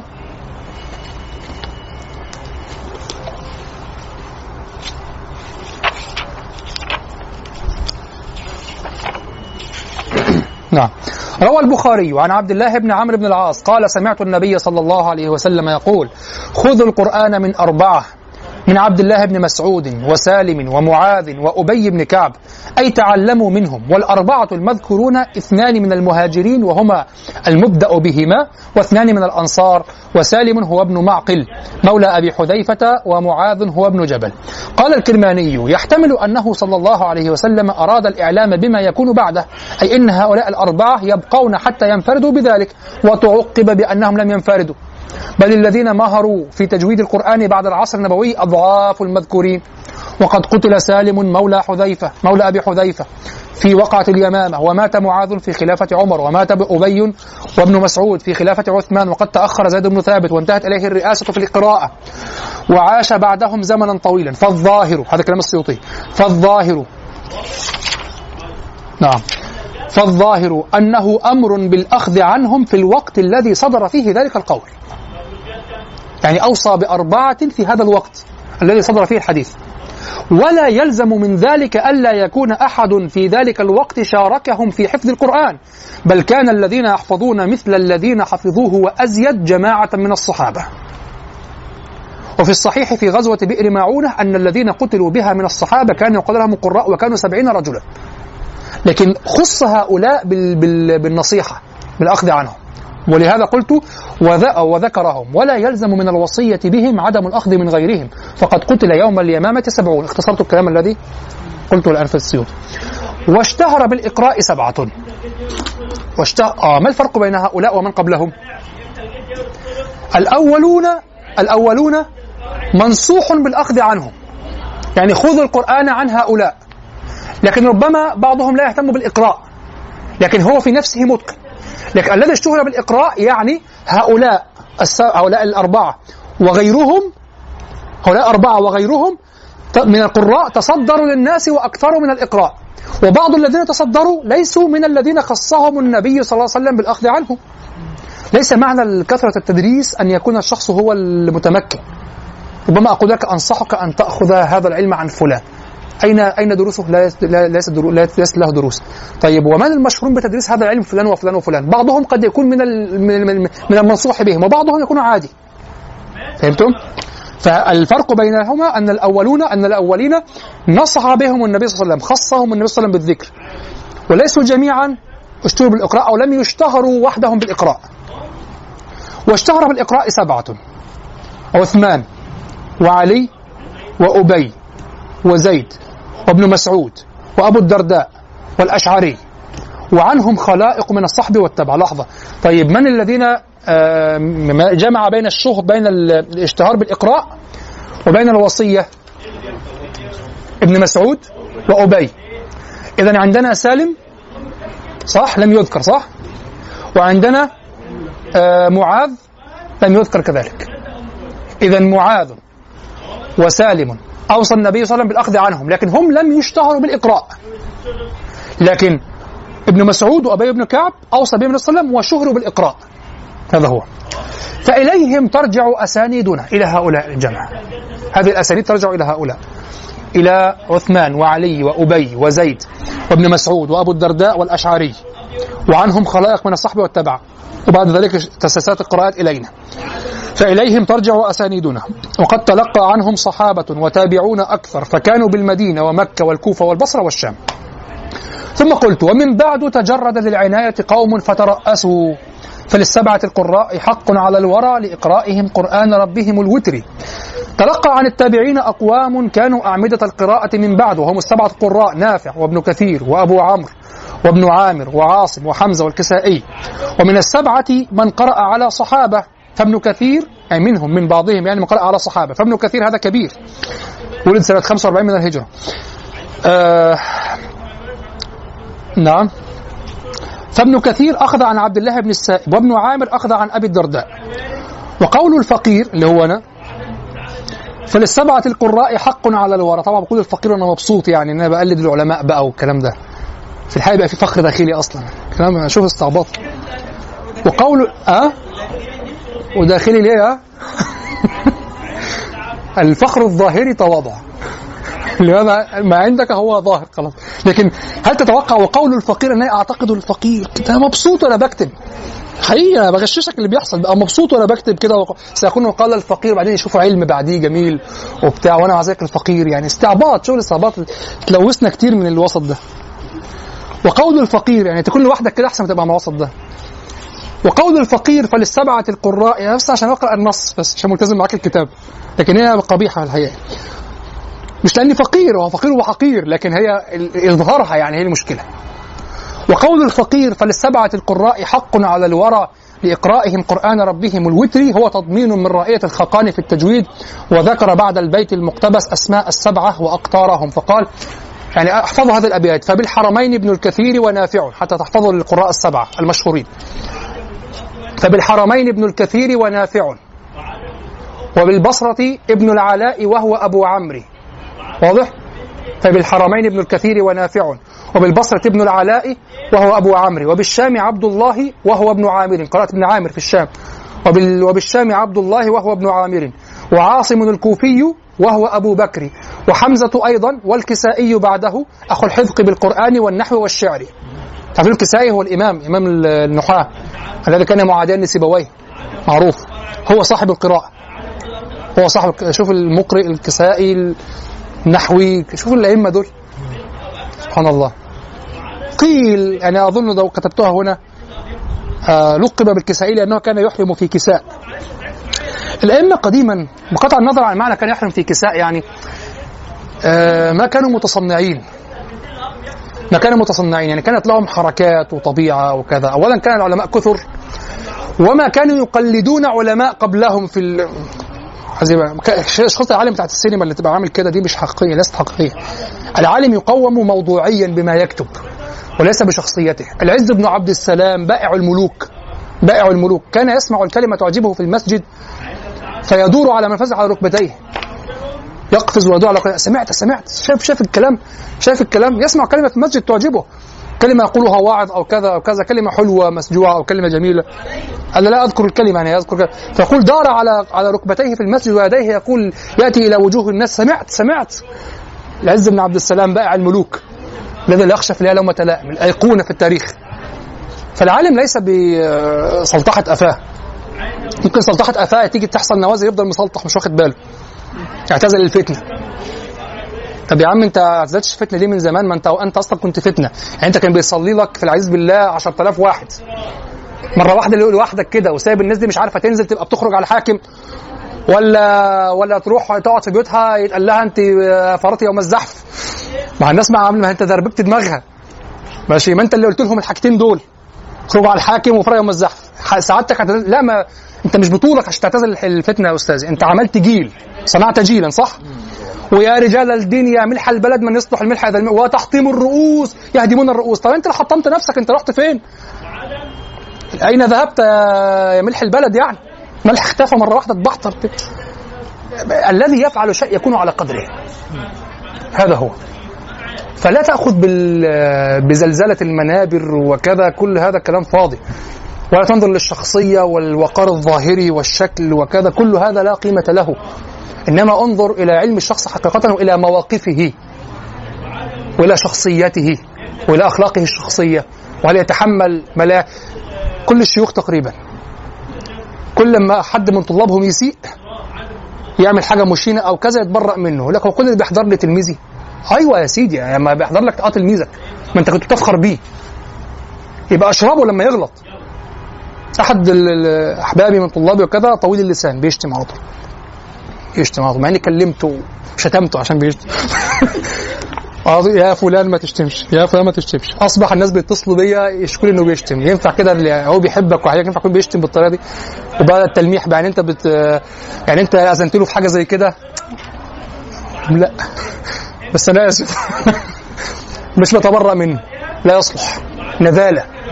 نذالة. تعتذر. تعتذر. هو أخوك الصغير. طالع عليه الأدب.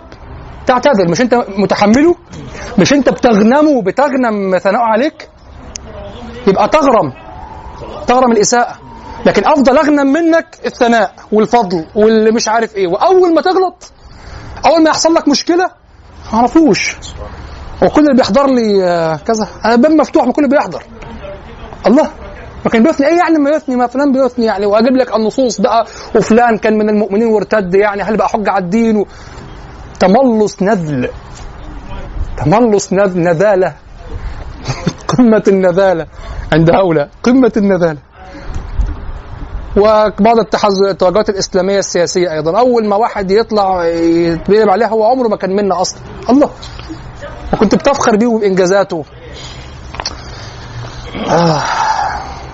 طيب. واللي ودانا هنا.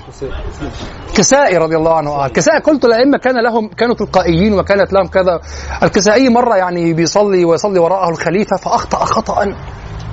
لا يعتبر يعني. أنا لا أذكر الخطأ لكن أخطأ خطا. وهذه حديثه مشهوره أنا لا اذكرها لا أذكر الموضع يعني. أخطأ خطا يعني. خطأ إعرابي محض صرف. فقال له الخليفه وراء كده، هذه قراءة كذا؟ قال لا أخطأت. يعني أنا آه، آه، فرحت بنفسي. يصلي وراء الخليفة بقى وبتاع وحسن القراءة فغلط غلطة يعني فضيحة. اعرابيه حاجة كده مثلا نصب المرفوع في جمع المذكر حاجة زي كده يعني حاجة فيها ياء جابها واو أو واو جابها ياء. يعني اعراب بالحروف كمان. حاجة يعني الكلمة مش تشكيلة دي مكلبظه الحرف كده. وقام غلط فيها. قال قالوا قراءة؟ قال لا فرحت بنفسي فأذلني الله يعني. فرحت بنفسي على طول. فرحت بنفسي ففضحني الله. احترم نفسك. يعني الله سبحان الله يعني يا سعد من من ينبه مثل هذه التنبيهات السريعة هذا فضل. غيره غارق ومش واخد باله. يقول الفقير. طيب. إذا فبالحرمين ابن الكثير ونافع ابن الكثير في مكة. اللي هو ابن كثير يعني. مشهور ابن كثير. ابن كثير اللي وزن البيت. فبالحرمين ابن الكثير هذا في مكة ونافع في المدينة. فبالحرمين ابن الكثير ونافع وبالبصرة ابن العلاء وهو أبو عمرو. من هو أبو عمرو؟ أبو عمرو بن العلاء راوي الشعر أستاذ الأصمعي. وبالبصرة ابن العلاء وهو أبو عمرو. وبالشام عبد الله وهو ابن عامر. وعاصم الذي عنه حفص وشعبة. وعاصم الكوفي وهو أبو بكر. وحمزة أيضا كوفي أيضا يعني. والكسائي بعده كوفي. وحمزة أيضا والكسائي بعده. أخو الحذقي الذي هو الكسائي أخو الحذقي بالقرآن والنحو والشعر. إذا عندنا مكي بالراحة مولانا. عندنا مكي ومدني صح؟ وبصري وشامي وثلاثة من الكوفة. آه، بصري آه، مكي ومدني وبصري وشامي وثلاثة من الكوفة. نعم. طبعا القراءات عشر أصلا وسنعرف قصة هذه ال- السبع كيف كانت الشهرة القراءات السبع يعني إن شاء الله. ها؟ وفي رمضان إن شاء الله. كل ساعة ونصف فقط بإذن الله. طيب ثم قلت وطلب العلو محمود للقرب. طلب العلو محمود للقرب. والنزول مع فضل علم أو حفظ أو طبعا هناك تفاوت بين هؤلاء الأئمة. يعني سريعا هكذا. ابن كثير هو عبد الله بن كثير ولد سنة 45 هجرية توفي سنة 120 أخذ عن التابعين تلاميذ الصحابة وروى عنه ال- البزي وقنبل. نافع ابن أبي نعيم أخذ عن التابعين. وقرأ عليه الإمام مالك الفقيه وروى عنه قانون وورش. أبو عمرو بن العلاء الإمام المشهور العلم راوي الشعر. هذا قرأ على التابعين كتلامذة ابن عباس وروى عنه الدوري والسوسي. عبد الله بن عامر. وهو آه آه هو أقدم القراء زمانا. ولد سنة 21 من الهجرة. وقرأ على عثمان بن عفان. ومر أن ابن كثير قرأ كذلك على من؟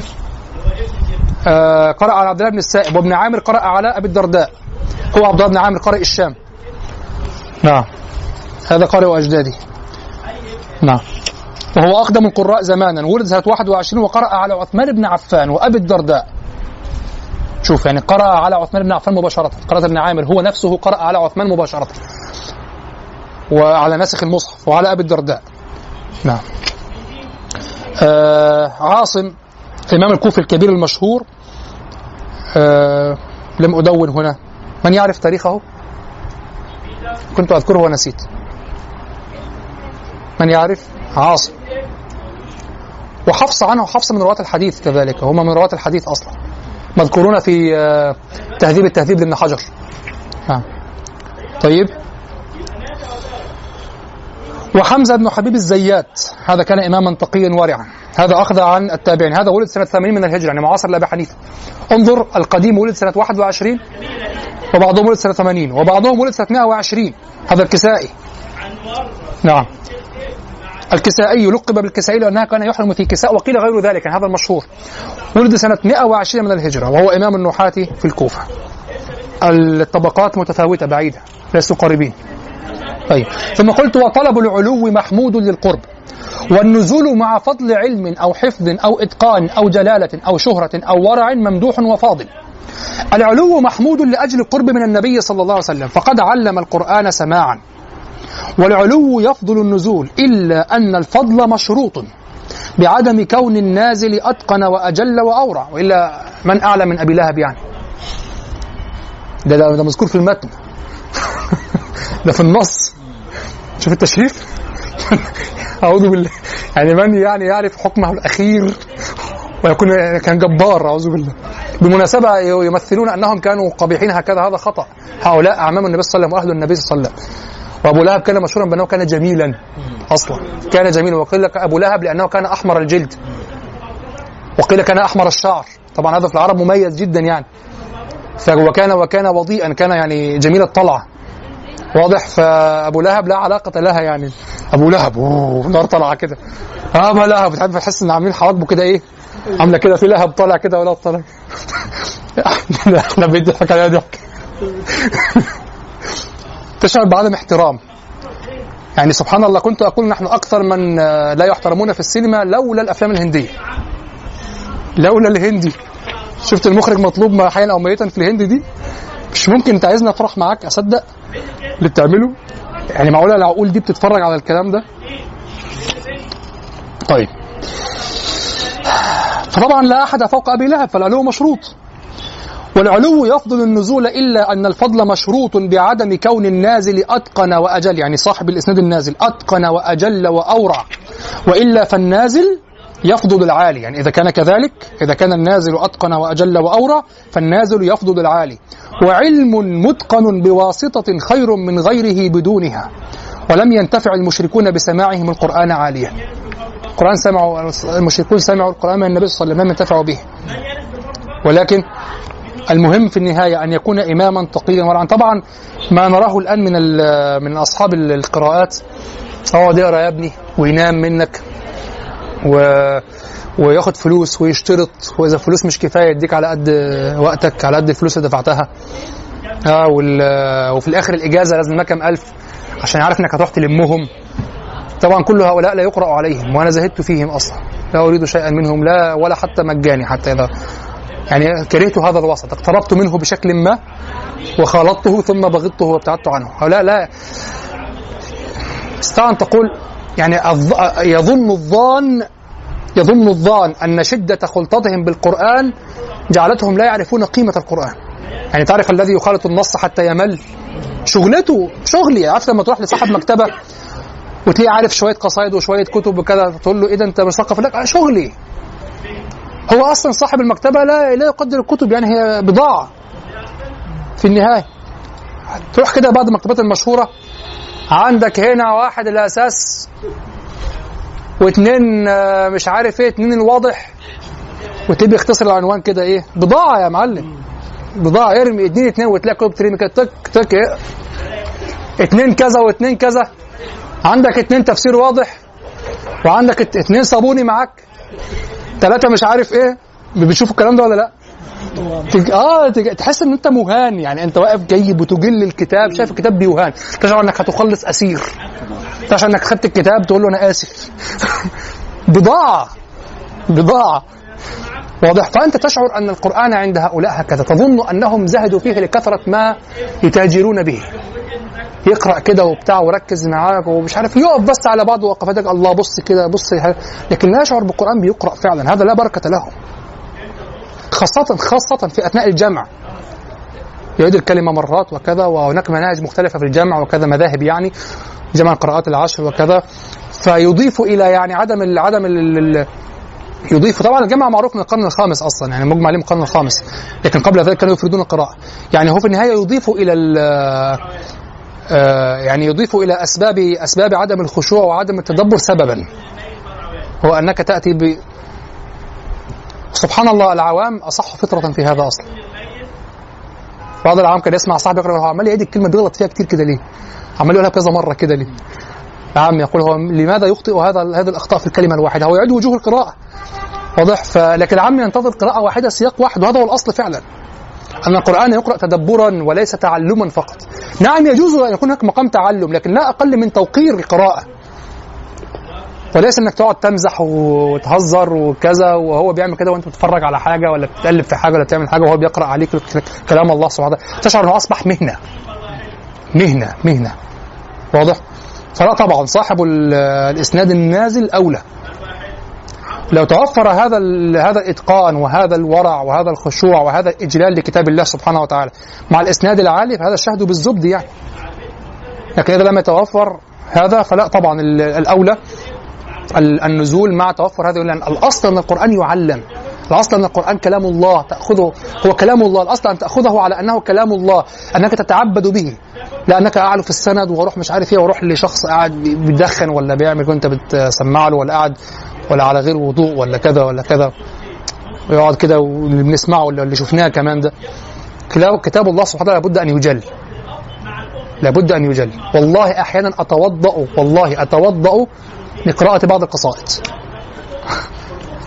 لماذا أشعر بجلالة الموقف؟ أنا الآن أعيش مع كلام السلف. هم سلف لغة يعني من قبل السلف يعني. والله أتوضأ لبعض القصائد لبعض الم- المج- المجالس الشعرية يعني. هناك قصائد معينه سأقرأها هذه القصائد جليلة عندي. أتوضأ لها. يشبه الوضوء الشرعي يشبه. واضح؟ لكن بنيتي أنني الآن في مجلس علم وعلم عالي وهذا الكلام الفخم العالي. الذي هو أقرب الكلام إلى كتاب الله سبحانه وتعالى. أصنع له على الأقل يمدني نفسيا. أنا كمسلم من حيث كوني مسلما من مخزوني من رواسبي أنني حينما أتوضأ لشيء هكذا لقراءة القرآن وكذا أو لقراءة الحديث النبوي لابد أن تجعل رياض الصالحين وردا كالمصحف.